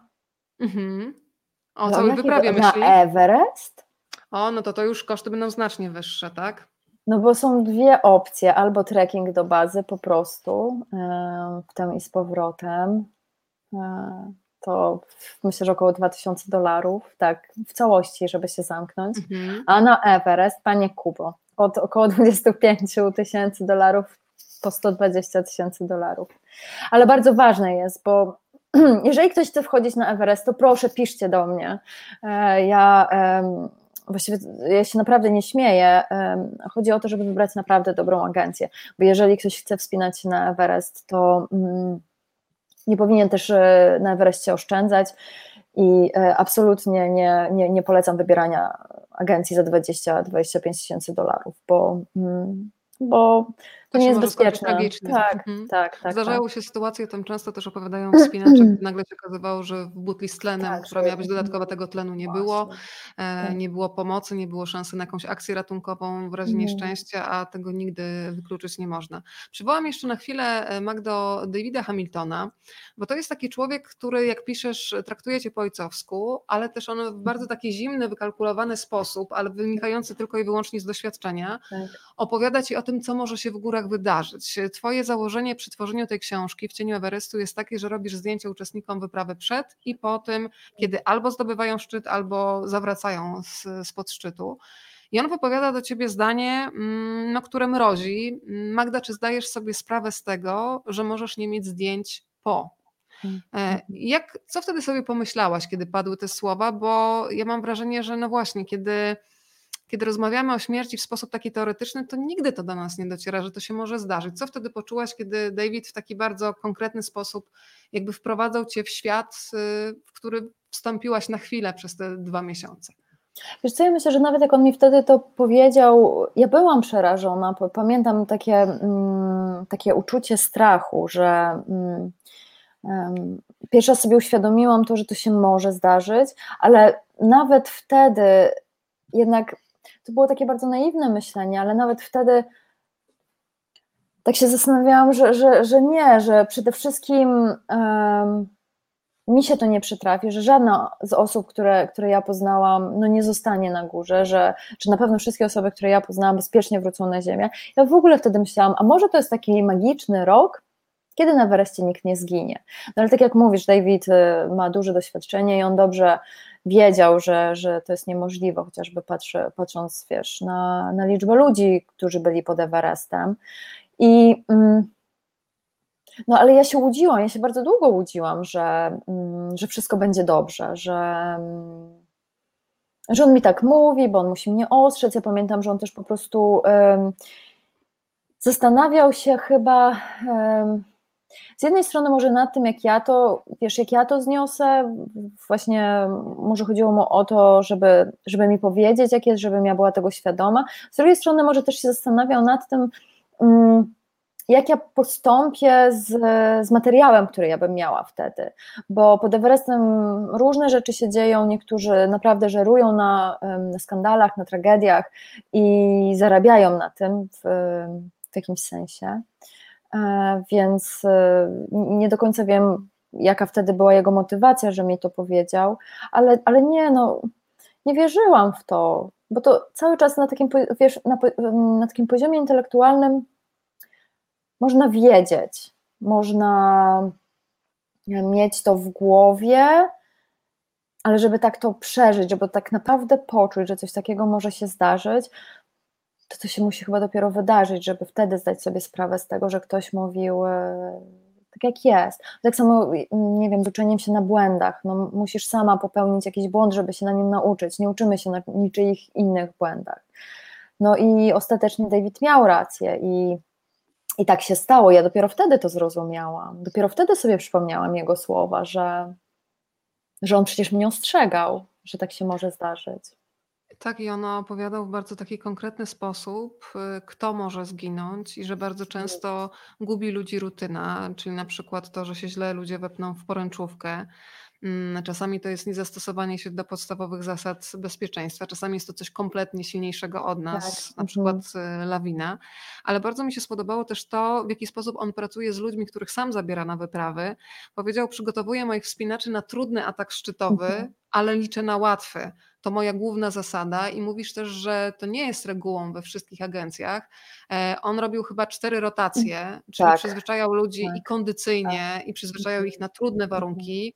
Daj Boże, żeby się zdarzyło jak najlepsze okienko pogodowe i żeby to wejście było jak najprostsze. Natomiast on mhm. zakłada najgorszy scenariusz, E, żeby zmniejszyć ryzyko, e, ryzyko śmierci. Powiedz, jak to wygląda, bo odwiedzałaś kilka różnych agencji i, i znowu dostawałaś dowody, że tam, gdzie jest najtaniej, no, nie, nie jest, najbezpieczniej. Tak, tak. E, rzeczywiście tak było, że Dave, agencja Davida była jedyną, która robiła tak dużo rotacji i też E, też w książce pisze o tym, że niektórzy krzywo na to patrzą, trochę się z niego śmieją, trochę może nie rozumieją, może trochę uważają, że e, stary Szkot po prostu zwariował i zmusza ludzi do takiego wysiłku. I też była, mm, było pogorszenie bardzo duże pogody, w, już teraz nie pamiętam, to chyba był maj, e, bo mm, przyszedł huragan i rzeczywiście wspinacze Davida byli wtedy w obozie drugim i oni musieli um, namioty przytrzymywać rękami, żeby, um, że, żeby po prostu tych namiotów nie zwiało. E, no i coś w tym było, co David mówił, że przygotował ich na każde możliwe warunki. Nie, nie będę zdradzać, jak tam e, poszło jego wspinaczom, ale um, niektóre agencje Większo, duża część agencji, większość przeprowadza tylko jedną rotację, tak naprawdę, tylko jedno wyjście aklimatyzacyjne. Um, najtańsze też je robią. Różne są, bo to nie jest tak, że, że jedno wyjście aklimatyzacyjne jest złe bo dużo agencji, dużo też doświadczonych wspinaczy uważa, że jedno wyjście klimatyzacyjne wystarczy, bo bardziej organizmu się nie da przyzwyczaić niż, e, niż jeżeli, on, jeżeli człowiek dojdzie tam do wysokości prawie 7000 metrów, to to drugie wyjście klimatyzacyjne niby już mu bardziej nie pomaga. No ale tak jak właśnie David mówi, jednak e, zależy od warunków. E, w najtańszych agencjach nie liczba rotacji jest największym problemem, tylko tak naprawdę w najtańszych agencjach największym problemem są e, niedoświadczeni, niedoświadczeni szerpowie, niedoświadczeni wspinacze, bo to, co też David próbuje wyeliminować, to słabości swoich wspinaczy, bo jeżeli on by zobaczył, że w trakcie tych czterech rotacji ktoś jest, nie wiem, za słaby psychicznie czy fizycznie, czy no jeżeli ktoś w ogóle się nie umie wspinać, to nawet by nie przyjechał na, na, na, na wyprawę z Davidem, no a w innych agencjach po prostu tych najtańszych nie sprawdza się tego. I podczas jednych, jednej rotacji też niekoniecznie to od razu widać, czy ktoś, czy ktoś da radę, czy nie da rady. No ale to akceptowanie właśnie każdego e, wspinacza bez, bez pokazania wspinaczkowego CV, to jest, to jest, to jest największy błąd i to jest największy mhm. problem. Poznajmy kolejnego uczestnika e, wyprawy na Everest. Proszę zwrócić uwagę na ten malutki przedmiot, który trzyma w dłoni. Finału tej historii teraz od razu zastrzegam, nie zdradzimy, ale jest piękny list i o co chodzi dalej z tym pluszakiem? To jest Sean i pluszak i błękitny wieloryb. Sean ma dwóch e, synów, e, i jeden z jego synów, pięcioletni William, wiedział, że tata wybiera się na Everest, przepraszam. I gdzie napisał do taty taki list wzruszający bardzo, że jest z taty dumny i że ogólnie chce, żeby on po prostu bezpiecznie wrócił do domu. A na czas ich rozłąki kupił dwa takie błękitne wieloryby. Jeden zostawił sobie, drugiego dał tacie i oni wymieniali się zdjęciami, gdzie te wieloryby są. No i poprosił William właśnie tatę, żeby wysłał mu zdjęcie błękitnego wieloryba e, ze szczytu Everestu, jeśli uda mu się e, tam znaleźć. A to była bardzo też taka wzruszająca historia, bo jak Sean o tym opowiadał, to też oczywiście się wzruszał i później powiedział, e, że on ma ten list ze sobą, bo najpierw powiedział, że, że list, że, że William napisał mu ten list, później się okazało, że on ma go ze sobą i w ogóle miał go w, w takiej koszulce plastikowej, żeby na pewno ten, ten list się zachował. No i no, go zawsze ze sobą właśnie w wewnętrznej e, kieszeni puchowej kurtki razem z wielorybem. Czyli bliscy są też z nami, a czy błękitny wieloryb zdobył Everest, to muszą Państwo przeczytać książkę, żeby się dowiedzieć. Ode mnie się tego Państwo na pewno teraz nie dowiedzą, obiecałam. E, witam kolejne osoby, pojawiają się pytania. Przypominam, że jeżeli Państwo chcą na Facebooku udostępnić nasze spotkanie, to jest przycisk udostępnij pod naszymi okienkami i można spokojnie oglądać to spotkanie ze swoimi przyjaciółmi i znajomymi. E, pojawiło się jeszcze pytanie od Pani Sandry. E, ten wątek też się pojawia w książce, więc cieszę się, że tak. możemy go zapowiedzieć jak jest ze śmieciami w bazie? I to jest e, bardzo ważny temat. Nie dlatego, e, że e, nie dlatego, że pod Everestem jest tyle śmieci. Rzeczywiście to jest temat często poruszany przez ludzi, ale też w takim po pierwsze, że jest oczywiście brudno, po drugie, że jest e, coraz brudniej, po trzecie, że właśnie czemu ludzie tam jadą, żeby tylko zaśmiecać po prostu jeszcze bardziej e, Himalaje. I oczywiście, że te śmieci są, Natomiast to, czego ludzie nie wiedzą, to jest to, że jest pozarządowa organizacja, która się nazywa SPCC, która o te śmieci dba po prostu. To jest organizacja e, pozarządowa. Została założona przez szerpów, którym po prostu na czystości tej góry zależało.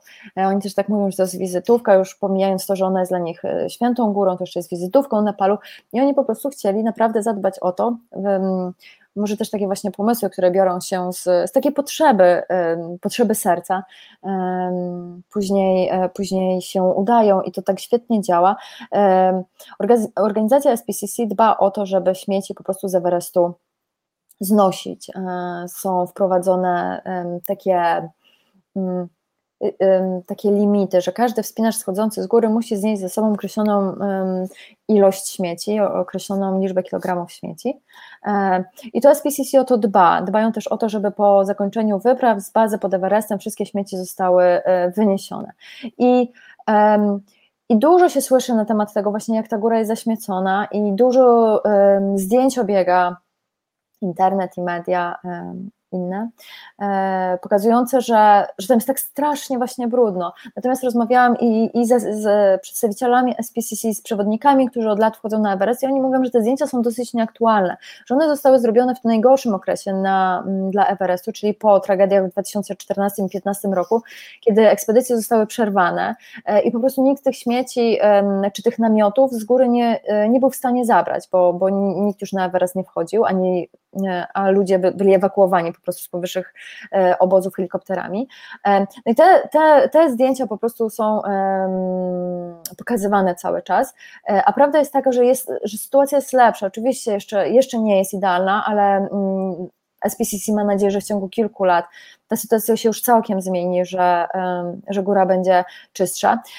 I też, bo po E, po wiośnie 2019 roku, kiedy ja byłam pod Everestem i kiedy dowiedziałam się tych wspaniałych informacji, że góra jest sprzątana, ja wróciłam też taka pełna nadziei, że jednak ktoś o to dba, że, że ktoś się tym zajmuje. Później była jesienna wyprawa mm, na Everest, wtedy Jędrek Bargiel miał zjeżdżać na nartach z, z Everestu i wtedy, mm, z, z, wtedy z, z tamtej wyprawy też y, publikowane były zdjęcia, że w bazie pod Everestem jest tak brudno i że są takie śmieci. Ja wtedy napisałam do mhm. przedstawiciela SPCC i też rozmawiałam z kilkoma przewodnikami i pytam, no to jak to w końcu jest? jest sprzątacie pod tym Everestem, czy nie sprzątacie? E, no i oni powiedzieli, że że sprzątają, że oni się starają, że oni cały czas sprzątają. I co ja na tych zdjęciach tak naprawdę widziałam? No jakąś butlę gazową, jakiegoś buta porzuconego, jakąś reklamówkę z jakimiś tam, nie wiem, konserwami powiedzmy. I oni mówią, że na tak olbrzymie przedsięwzięcie, że w ciągu dwóch miesięcy e, przez bazę pod Everestem e, przewija się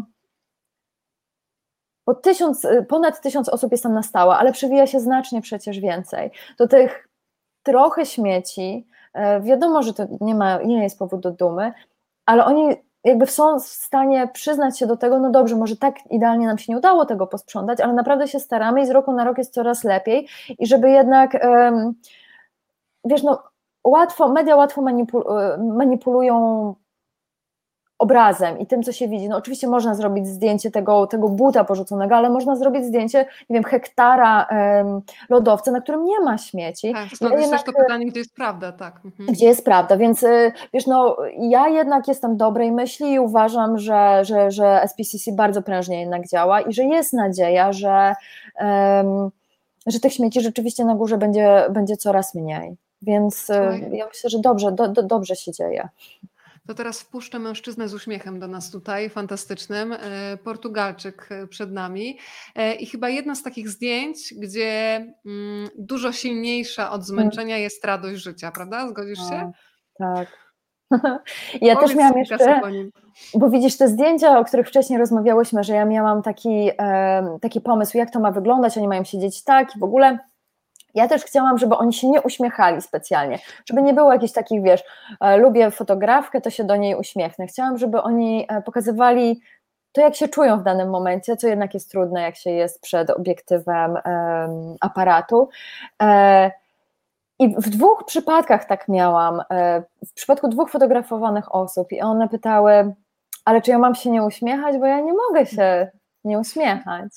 I rzeczywiście Rui jest jedną z tych osób, on, on, on szedł z Everestu, no tak jak widać, po prostu bardzo, bardzo szczęśliwy. Swoje ważne pytanie, Pani Bożeny, Pani Magdo, pytanie socjologiczne. Czy tam w bazie ludzie się integrują, czy raczej szukają samotności? W bazie to w ogóle ciężko znaleźć samotność, bo tam cały czas tam cały czas jest się z kimś, wokół kogoś, e, cały czas jest hałas, przez to, że tak dużo osób jest na tak małej przestrzeni. Natomiast tak jest. No, znowu nie ma odpowiedzi. Niektórzy szukają e, towarzystwa, niektórzy szukają samotności, nawet jeśli mogą ją znaleźć e, w namiocie, który który nie tłumi hałasów. Tak jest, w, w, różnych, e, e, w różnych agencjach czy w różnych obozach tak było, że na przykład ludzie większość czasu spędzali z książką w namiocie, po prostu leżąc i czytając albo śpiąc i, i trochę się izolując. To też z czasem coraz bardziej było widać, że im więcej czasu spędzali w w bazie, tym bardziej wychodziły właśnie takie potrzeby, czy że mieli, nie wiem, czy, czy że albo mieli dość, albo byli zmęczeni, albo właśnie może potrzebowali tego czasu spokoju i skupienia przed atakami szczytowymi wtedy się izolowali, e, czy, czy, czy osoby, które na przykład samotność i, i, i jakieś lęki i napięcie nie, nie znoszą dobrze i, i szukały raczej towarzystwa i kontaktu. E, myślę, że myślę, że ta jednak potrzeba towarzystwa była, była większa, przynajmniej z moich obserwacji, um, niż izolowanie się. Powiem Ci, Magda, że kilka razy podczas lektury byłam na Ciebie zła, moment szczerości, ale zła mhm. dlatego, że tam niektórych dość mocno oceniłaś, wiesz, porównania do Goluma i Gargamela i taka złość na niektórych um, szefów agencji też się pojawiła, ale w tym tak. też czuć takie emocje, Mm, że będąc w takiej mm. sytuacji, no, wyławiamy pewne informacje z niektórych zachowań i na, tako, na takie elementy oceny też sobie pozwoliłaś. Dlaczego? Bo ja powiem, mhm. E, trochę, mm, e, trochę się wytłumaczę. E, powiem Wam prawdę to, że ja tam byłam dwa miesiące, też nie pozostawało bez znaczenia dla mnie. I ja też tych warunków najlepiej nie znosiłam. I to nie jest tak, że ja tylko pokazywałam, jak zmieniają się ludzie. I oczywiście rzeczywiście. Ja, ja nie napisałam o tym w książce, może powinnam jednak, natomiast ja też miałam ciężkie chwile i to jak e, innych odebrała, od, od, odbierałam, oczywiście było też to przez pryzmat moich emocji i mhm. e, natomiast czy, jaka, jakakolwiek książka, czy jakakolwiek ocena jest obiektywna. No nie jest. Cała ta książka jest moją subiektywną prawdą, prawdą o Everestie. Są tam fakty, natomiast tak jak mówisz, jest dużo oceny, jej było więcej, e, więc i tak w tej wersji wydanej jest jej mniej, e, bo, e, bo, bo, redaktorka też o to zadbała trochę i czasem mnie ganiła za to, że, mm, że może od takich osobistych ucieczek powinnam trochę bardziej stronić. Natomiast No co ja mogę powiedzieć? Niektóre charaktery były też bardzo, bardzo wyraźne e, i bardzo. Hmm, nie wiem rzeczywiście, czy jeżeli ktoś inny by spotkał tych ludzi, czy tak bardzo odmienne miałby zdanie, bo mhm. jeżeli. Um, jeżeli w danej agencji, nie wiem, jest 10 wspinaczy i oni też ze sobą rozmawiają, później rozmawiają ze mną i ja też e, zaczynam dostrzegać, że oni mają podobne wrażenia na temat jednej z osób, czy na przykład ewidentnie jedna osoba jest e, e, albo ona się izoluje, albo tak, tak, tak wynika, że, że ona zostaje trochę odepchnięta, może nie odepchnięta, ale mm, ludzie się od niej. Mhm, tak, dlatego że ona po prostu ma negatywny wpływ też na innych, e, bo, no, bo może też ona coś przeżywa. Tylko, że jaki jest margines na emocje innych ludzi w momencie, kiedy my też mamy jakiś cel do zrealizowania, bo jeżeli ktoś wchodzi na Everest, a na przykład w grupie ma osobę, która zaraża, nie wiem, negatywnymi emocjami, która e, jakoś wpływa źle na komfort naszego przebywania tam, e, no to może siłą rzeczy to się tak dzieje, że, że mamy mniej cierpliwości i, mhm. um, to wiesz, i takie, tak, i takie konflikty chyba też i przyjaźnie tak samo, ale konflikty i, i i animozje bardziej są podkreślane i to bardziej tak wychodzi po prostu. Tak, ty piszesz między innymi o jeden z, o takim przypadku, kiedy ktoś się umawia na to, że wchodzi razem na szczyt i to ma mm. być pierwsze wejście greckie na szczyt, no ale okazuje się, że się pojawia prawie grecka tragedia, czyli konflikt dość e, mocny, ale chciałabym, żebyśmy jeszcze zdążyły powiedzieć o szerpach i bardzo Ci dziękuję za ten tak. wątek, e, bo bardzo często się nie zastanawiamy nad tym, jednak kiedy nie jesteśmy oczywiście w świecie górskim jako laicy, że nie byłyby możliwe wejścia na Everest, gdyby nie praca tych ludzi, a inna sprawa, że dla nich często to jest jedyna opcja pracy. E, ty piszesz takie ważne zdanie na temat jednego z szerpów, który w zasadzie mm, on się nie zastanawiał, czy on by wolał robić coś innego w życiu, no bo on po prostu nie ma innej opcji, więc on nawet sobie na takie myślenie nie pozwala. E, to poznaje jednego z nich, to jest szansa, żeby spojrzeć w kolejne piękne oczy. Mm, opowiedz trochę o tym człowieku, który 20 lat, czyli połowę swojego życia e, spędził mm, wspinając się na górę. 11 razy stanął na Everestie, tak? Tak. To był pierwszy szerpa, który mi powiedział, że się boi że niekoniecznie lubi się wspinać i że się boi, jak się wspina. I to mi tak wtedy otworzyło oczy, że no i to właśnie to jest to, nad czym ludzie się nie zastanawiają, że to nie są nadludzie, że to nie są maszyny, że nie mają takie same emocje jak każdy inny mm, i że mogą się bać po prostu wspinać na tę górę, mogą nie mieć wyjścia innego, ale to nie znaczy, że to nie znaczy, że się nie boją, to nie znaczy, że woleliby robić co innego. No a później im więcej rozmawiałam z nimi, tym, tym, tym właśnie bardziej dowiadywałam się o tym, że to nie jest że to nie jest dla nich chleb powszedni to wchodzenie na Everest, że mimo tego, że wchodzą 11, nie wiem, 15, 20 razy, e, no to, że nadal nadal towarzyszą temu duże emocje. E, jest to strach albo na przykład niechęć. A powiedz jeszcze o y, tych, którym się udało, myślę o takich gwiazdach w świecie szerpów. Ty wspominasz Pasanga Tendiego, e, szerpę, który za pomocą sponsorów e, no, poprawia jakość życia w swojej wiosce, zaczyna dbać o ludzi. To też są takie sytuacje, które pokazują, że swój własny sukces mm, można przenieść na część swojej społeczności. To fantastycznie działa. No, no tak, tak, tak, tak jest. Tylko, że um, jest, kil, jest, jaka, jest kilku szerbów, którzy rzeczywiście mieli wpływ na, mm, na ich sytuację społeczną, że zaczęli no, rzeczywiście osiągnęli jakiś sukces, ileś razy weszli na Everest, ale nie tylko, nie, nie, nie, na tym poprzestali, bo zaczęli po prostu głośno o tym mówić.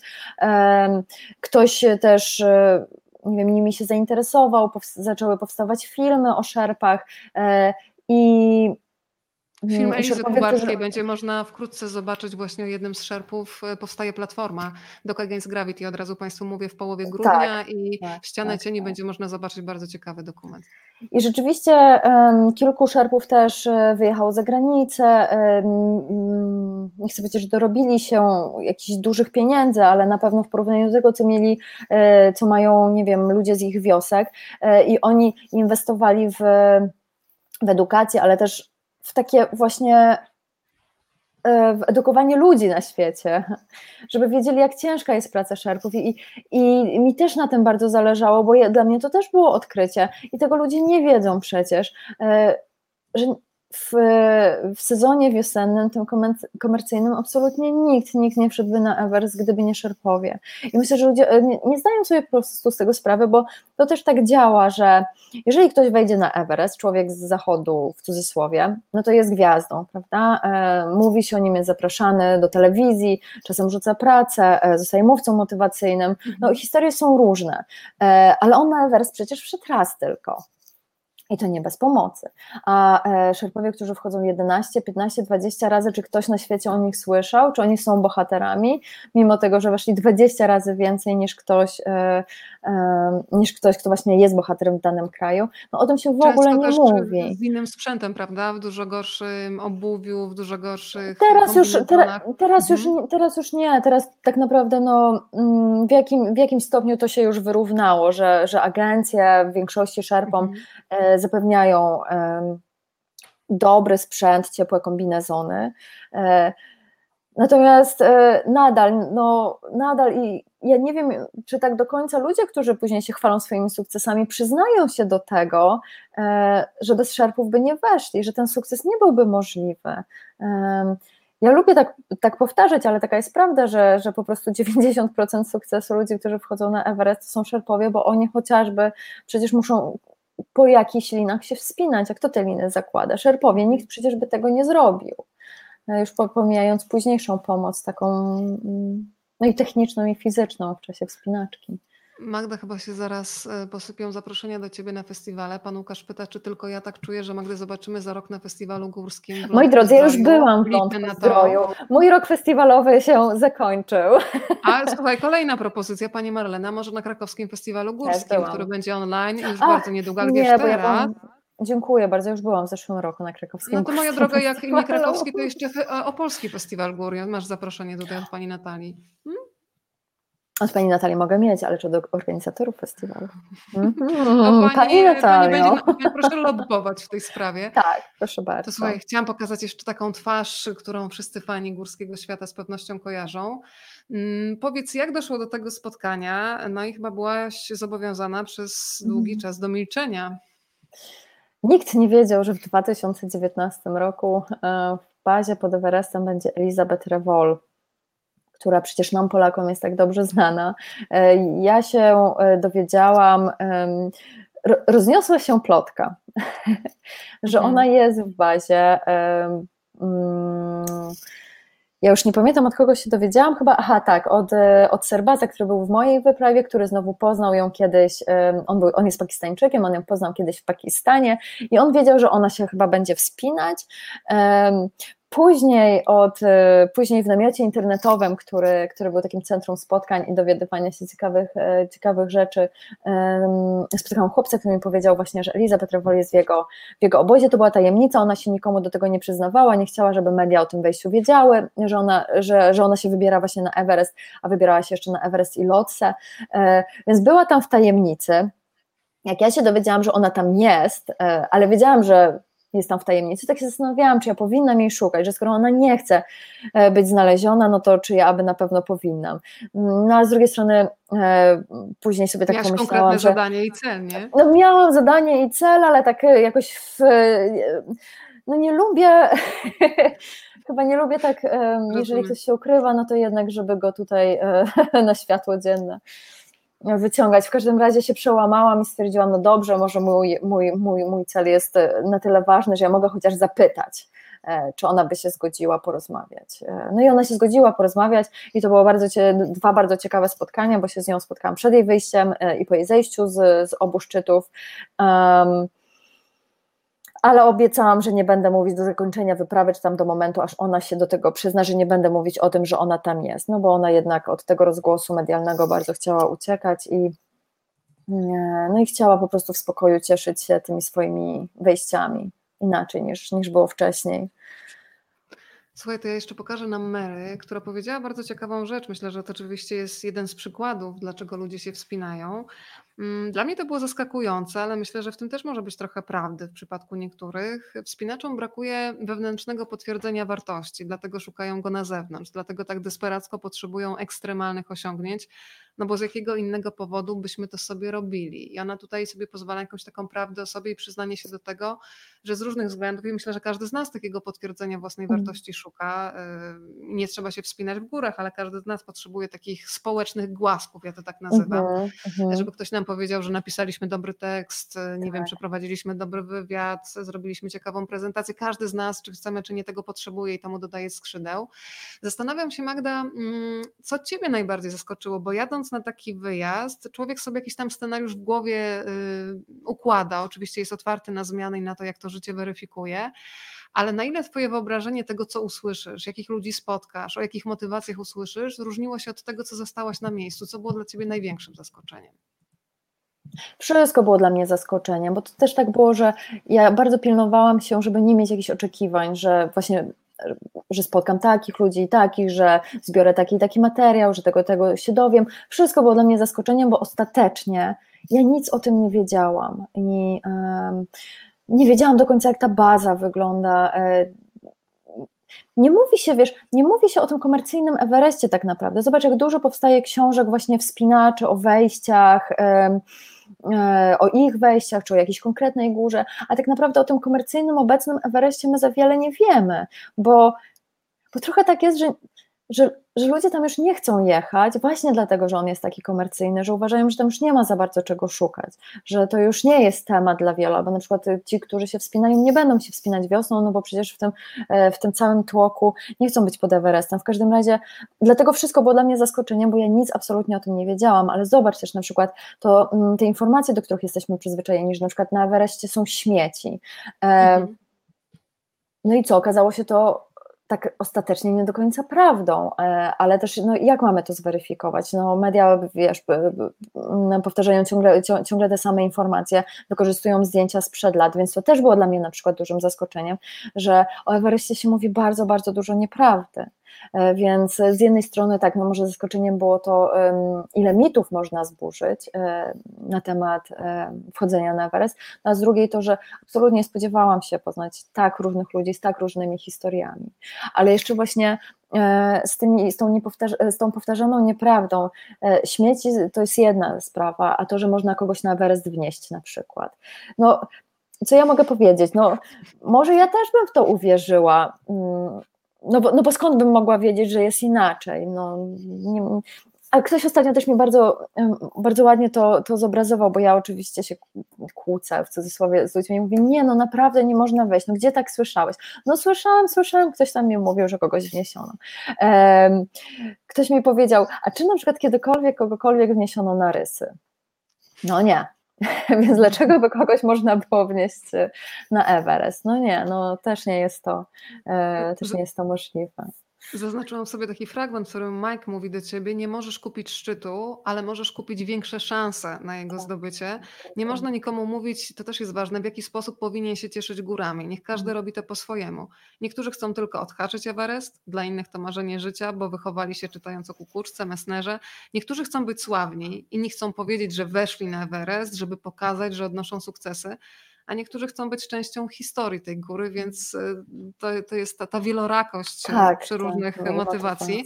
Tak. Ale powiedziałaś to słowo o, o komercyjnym Everestie. Zresztą mhm. na okładce Twojej książki jest bardzo ważne zdanie, że są kraje, które mają ropę i są kraje, które mają Everest i też Nepal no, na tym Everestie najzwyczajniej w świecie Mm, zarabia.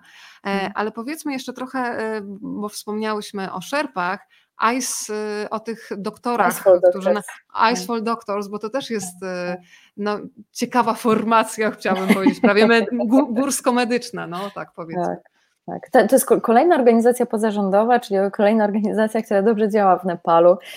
Icefall Doctors to jest grupa szerpów po prostu, którzy zajmują się poręczowaniem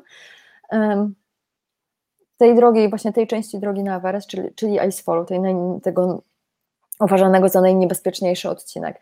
I oni później, um, oni na początku sezonu, oni otwierają sezon, czyli oni tam zjawiają się pierwsi w bazie, um, szukają drogi przez Icefall, zakładają liny, drabiny, żeby każdy później mógł przez ten um, Icefall przejść i oni dają sygnał taki agencjom, że Icefall jest gotowy, jeżeli chcecie, no to teraz możecie już próbować e, aklimatyzacji pierwszych. E, I oni później codziennie dbają o ten, o ten Icefall, o tę drogę i sprawdzają stan tych drabin, jakiś tych śrub e, lodowych, e, żeby, mm, żeby, żeby wspinacze ze swoimi szerpami mogli mm, o każdej porze nocy i dnia przez ten e, Icefall przejść. No i na sam koniec, na sam koniec, i to była, to jest data zawsze ustalona, 29 maja w tym roku, w roku 2019, zamykają Icefall oficjalnie i przystępują właśnie do zdejmowania całego tego sprzętu z, z lodospadu Kumbu. Ale też to było dla mnie zaskoczeniem, bo na przykład e, rozmawiałam z nimi i tam tak samo mm, szerpowie się boją. Niektórzy od lat pracują, są e, starymi wegami, można powiedzieć, ale są chłopcy na przykład, którzy pojawiają się na jeden sezon i nigdy nie wracają, bo stwierdzają, że to nie jest jednak na ich nerwy, że może jednak spróbują założyć jakiś mały interesik w, Katmandu, może zajmą się uprawą ziemi, bo ten Icefall jednak okazał się dla nich zbyt straszny, ale to znowu pokazuje to, że właśnie Szerpowie nie są nad ludźmi wcale. Oczywiście, że są, ale wcale, wcale nie są jednocześnie, bo tak samo się boją.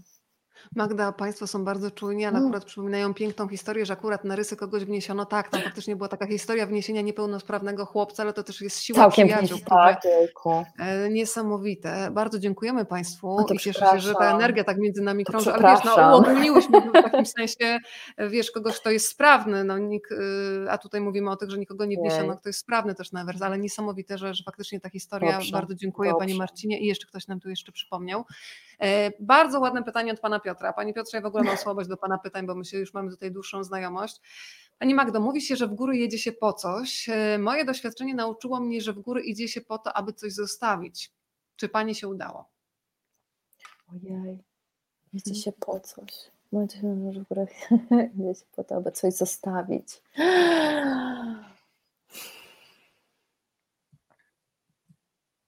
Nie wiem co zostawić na przykład? Ja część siebie. E, tak, tak. Bardzo, to, to, nie, no to, to jest bardzo takie pytanie e, wymagające jednak dłuższego zastanowienia, bo ja teraz coś, coś powiem, a zaraz będę chciała się wycofać, jak tylko zejdziemy z wizji. Dobra, to, to mówmy się, że odpiszesz panu e, Piotrowi, jak, jak przemyślesz. O, tak, przemyślisz, tak, muszę przemyśleć, nawet... bo rzeczywiście. Bardzo ciekawe pytanie kolejne, które zresztą się pojawia ten wątek w Twojej książce. Pani Magdo, a czy łatwo było przyzwyczaić się do codzienności na nizinach już po powrocie i czy w planie jest kolejny projekt? To jest bardzo ważny wątek, Magda, w Twojej książce, że kiedy człowiek wraca po Everestie, o tym też mówią Twoi bohaterowie, po takim projekcie, który absorbował ich wyobraźnię przez wiele, wiele miesięcy, to potem strasznie ciężko jest znaleźć taki cel, który by temu dorównał. Więc jak było w strasznie Twoim przypadku? Ciężko. Jakie były relacje tych wspinaczy? Um, bardzo ciężko się przyzwyczaić do codzienności. E, wydaje mi się, że może rzeczywiście tak jest, że im większy cel, im um, im bardziej, ale to do wszystkiego się odnosi, im większy cel, im bardziej egzotyczna podróż, im więcej czasu spędzamy gdzieś, tym, tym trudniej jest wrócić do rzeczywistości.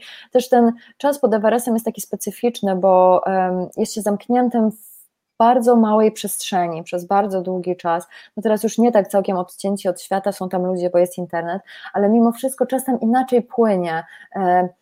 E, to jest taki mikroklimat zupełnie inny, z takimi właśnie dużymi emocjami, e, z tym, że jest się z ludźmi bardzo blisko, bo jest się, bo jest się na nich skazanym.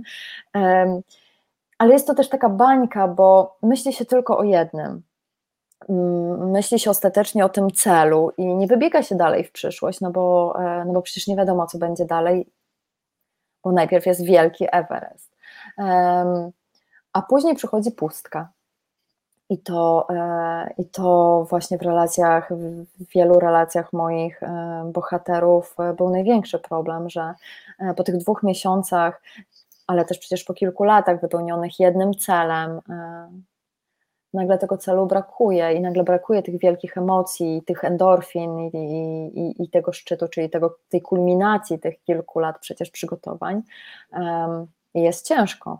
E, I tak naprawdę e, ja dochodzę coraz bardziej do tego wniosku, bo to w książce o tym pisałam, ale im bardziej o tym myślę, tym bardziej to rozumiem, że myślę, że oni też, e, że Everest nie jest magiczną górą wcale, że, że on sobie nie ma takiej magicznej siły, żeby, żeby dać odpowiedzi, czy żeby sprawić, że, że to życie po Everestie będzie łatwiejsze, że, że ono będzie fajniejsze, że w nim się wie, więcej będzie wydarzać dobrych rzeczy niż przed. Że tak naprawdę z Everestu schodzimy do takiego samego świata, e, jaki zostawiliśmy, i nadal trzeba się mierzyć z takimi samymi problemami, jakie w tym świecie były. Pani Ania napisała, że słuchając Ciebie górsko zrobiło się nawet w Londynie, za co Ci mm. bardzo dziękuję. O proszę, Jerzy jest bardzo ciekawy. A jak jest z życiem uczuciowym? Czy zawiązują się miłości, romanse? O, tego wątku w sumie nie poruszyłaś, więc off the record poproszę. Uh, what happens in Basecamp stays in Basecamp. Jest to takie zdanie powtarzane w bazie. Które ja pozostawia sporo miejsca na niedomówienia. Chyba starczy. Ja stwierdziłam, że e, w książce nie będę poruszać takich tematów, bo nie chcę, żeby stała się jakimś po prostu tanim romansidłem.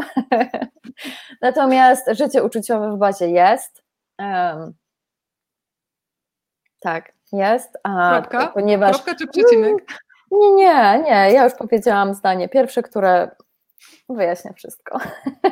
Okej, okay, bardzo dziękuję za e, odpowiedź. Drodzy Państwo, ostatnie trzy minuty na zadawanie pytań, więc jeżeli ktoś ma jeszcze jakąś ciekawość, którą chciałby zamienić na pytanie, to proszę to robić teraz. A ja mam dobrą informację, o której wspominałam na dzień dobry, czyli książkę od pana Piotra z wydawnictwa SQN, która szuka domu. E, I Magda, mm, bardzo bym chciała, żebyś mi powiedziała taką liczbę, cyfrę swoją ulubioną od 1 do 20, załóżmy. Mm, I, I, ten numer, który wypowiesz, yy, maila, który wpadnie do mojej skrzynki, zaraz Państwu podam adres, zostanie nagrodzony i prosto z wydawnictwa SQN do Państwa do domu kurier. Czyli teraz wszystkim zdradzę swoją szczęśliwą liczbę. Dobrze. Teraz? To nie wszyscy w to lotku będą obstawiać. Uwaga, szczęśliwy numerek Magdy to 5. No to drodzy Państwo, czekam. Rozmawiam, bo lubię małpa gmail.com e, i jeszcze raz powtórz, bo tak się skoncentrowałam na powiedzeniu e, adresu, że zapomniałam, Pięć. który numer. Pięć. To zaraz otwieram skrzynkę, e, zrobię to nawet podczas tej transmisji, dobrze, żebyśmy wiedzieli, o kogo do kogo trafi. Czekamy na maile. E, a ja, Magda, jeszcze od razu powiem Ci, że będę kontynuować jutro tematy górskie. Od razu Państwa zaproszę. Będę miała szansę na spotkanie z alpinistą Marcinem Tomaszewskim, e, który znany jest w środowisku górskim jako Yeti. Porozmawiamy o jego książce Tato i to też jest ciekawy wątek dotyczący tego, jak rodzicielstwo wpływa na to, czy ta granica ryzyka nam się, w którą stronę nam się przesuwa i jak, mhm.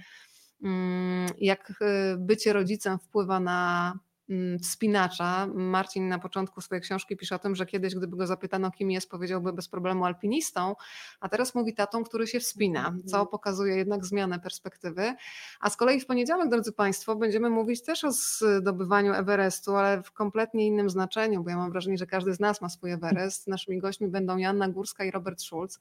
Joannę Państwo znają z telewizji Polsat News, gdzie jest gospodynią programu Nowy Dzień i był taki czas w jej życiu, kiedy występowała na antenie w Peruce o czym jeszcze widzowie nie wiedzieli, nawet komplementując nową fryzurę.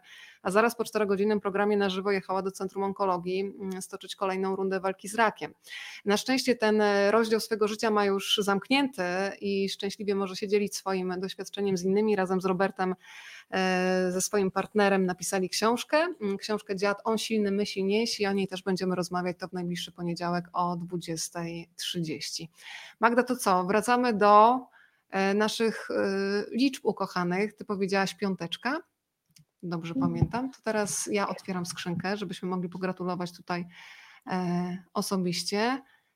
Państwu dziękuję za spotkanie, ale jeszcze jest pytanie, to o, bardzo dobrze, ja zadam pytanie, ty będziesz odpowiadać, a ja będę sprawdzać skrzynkę.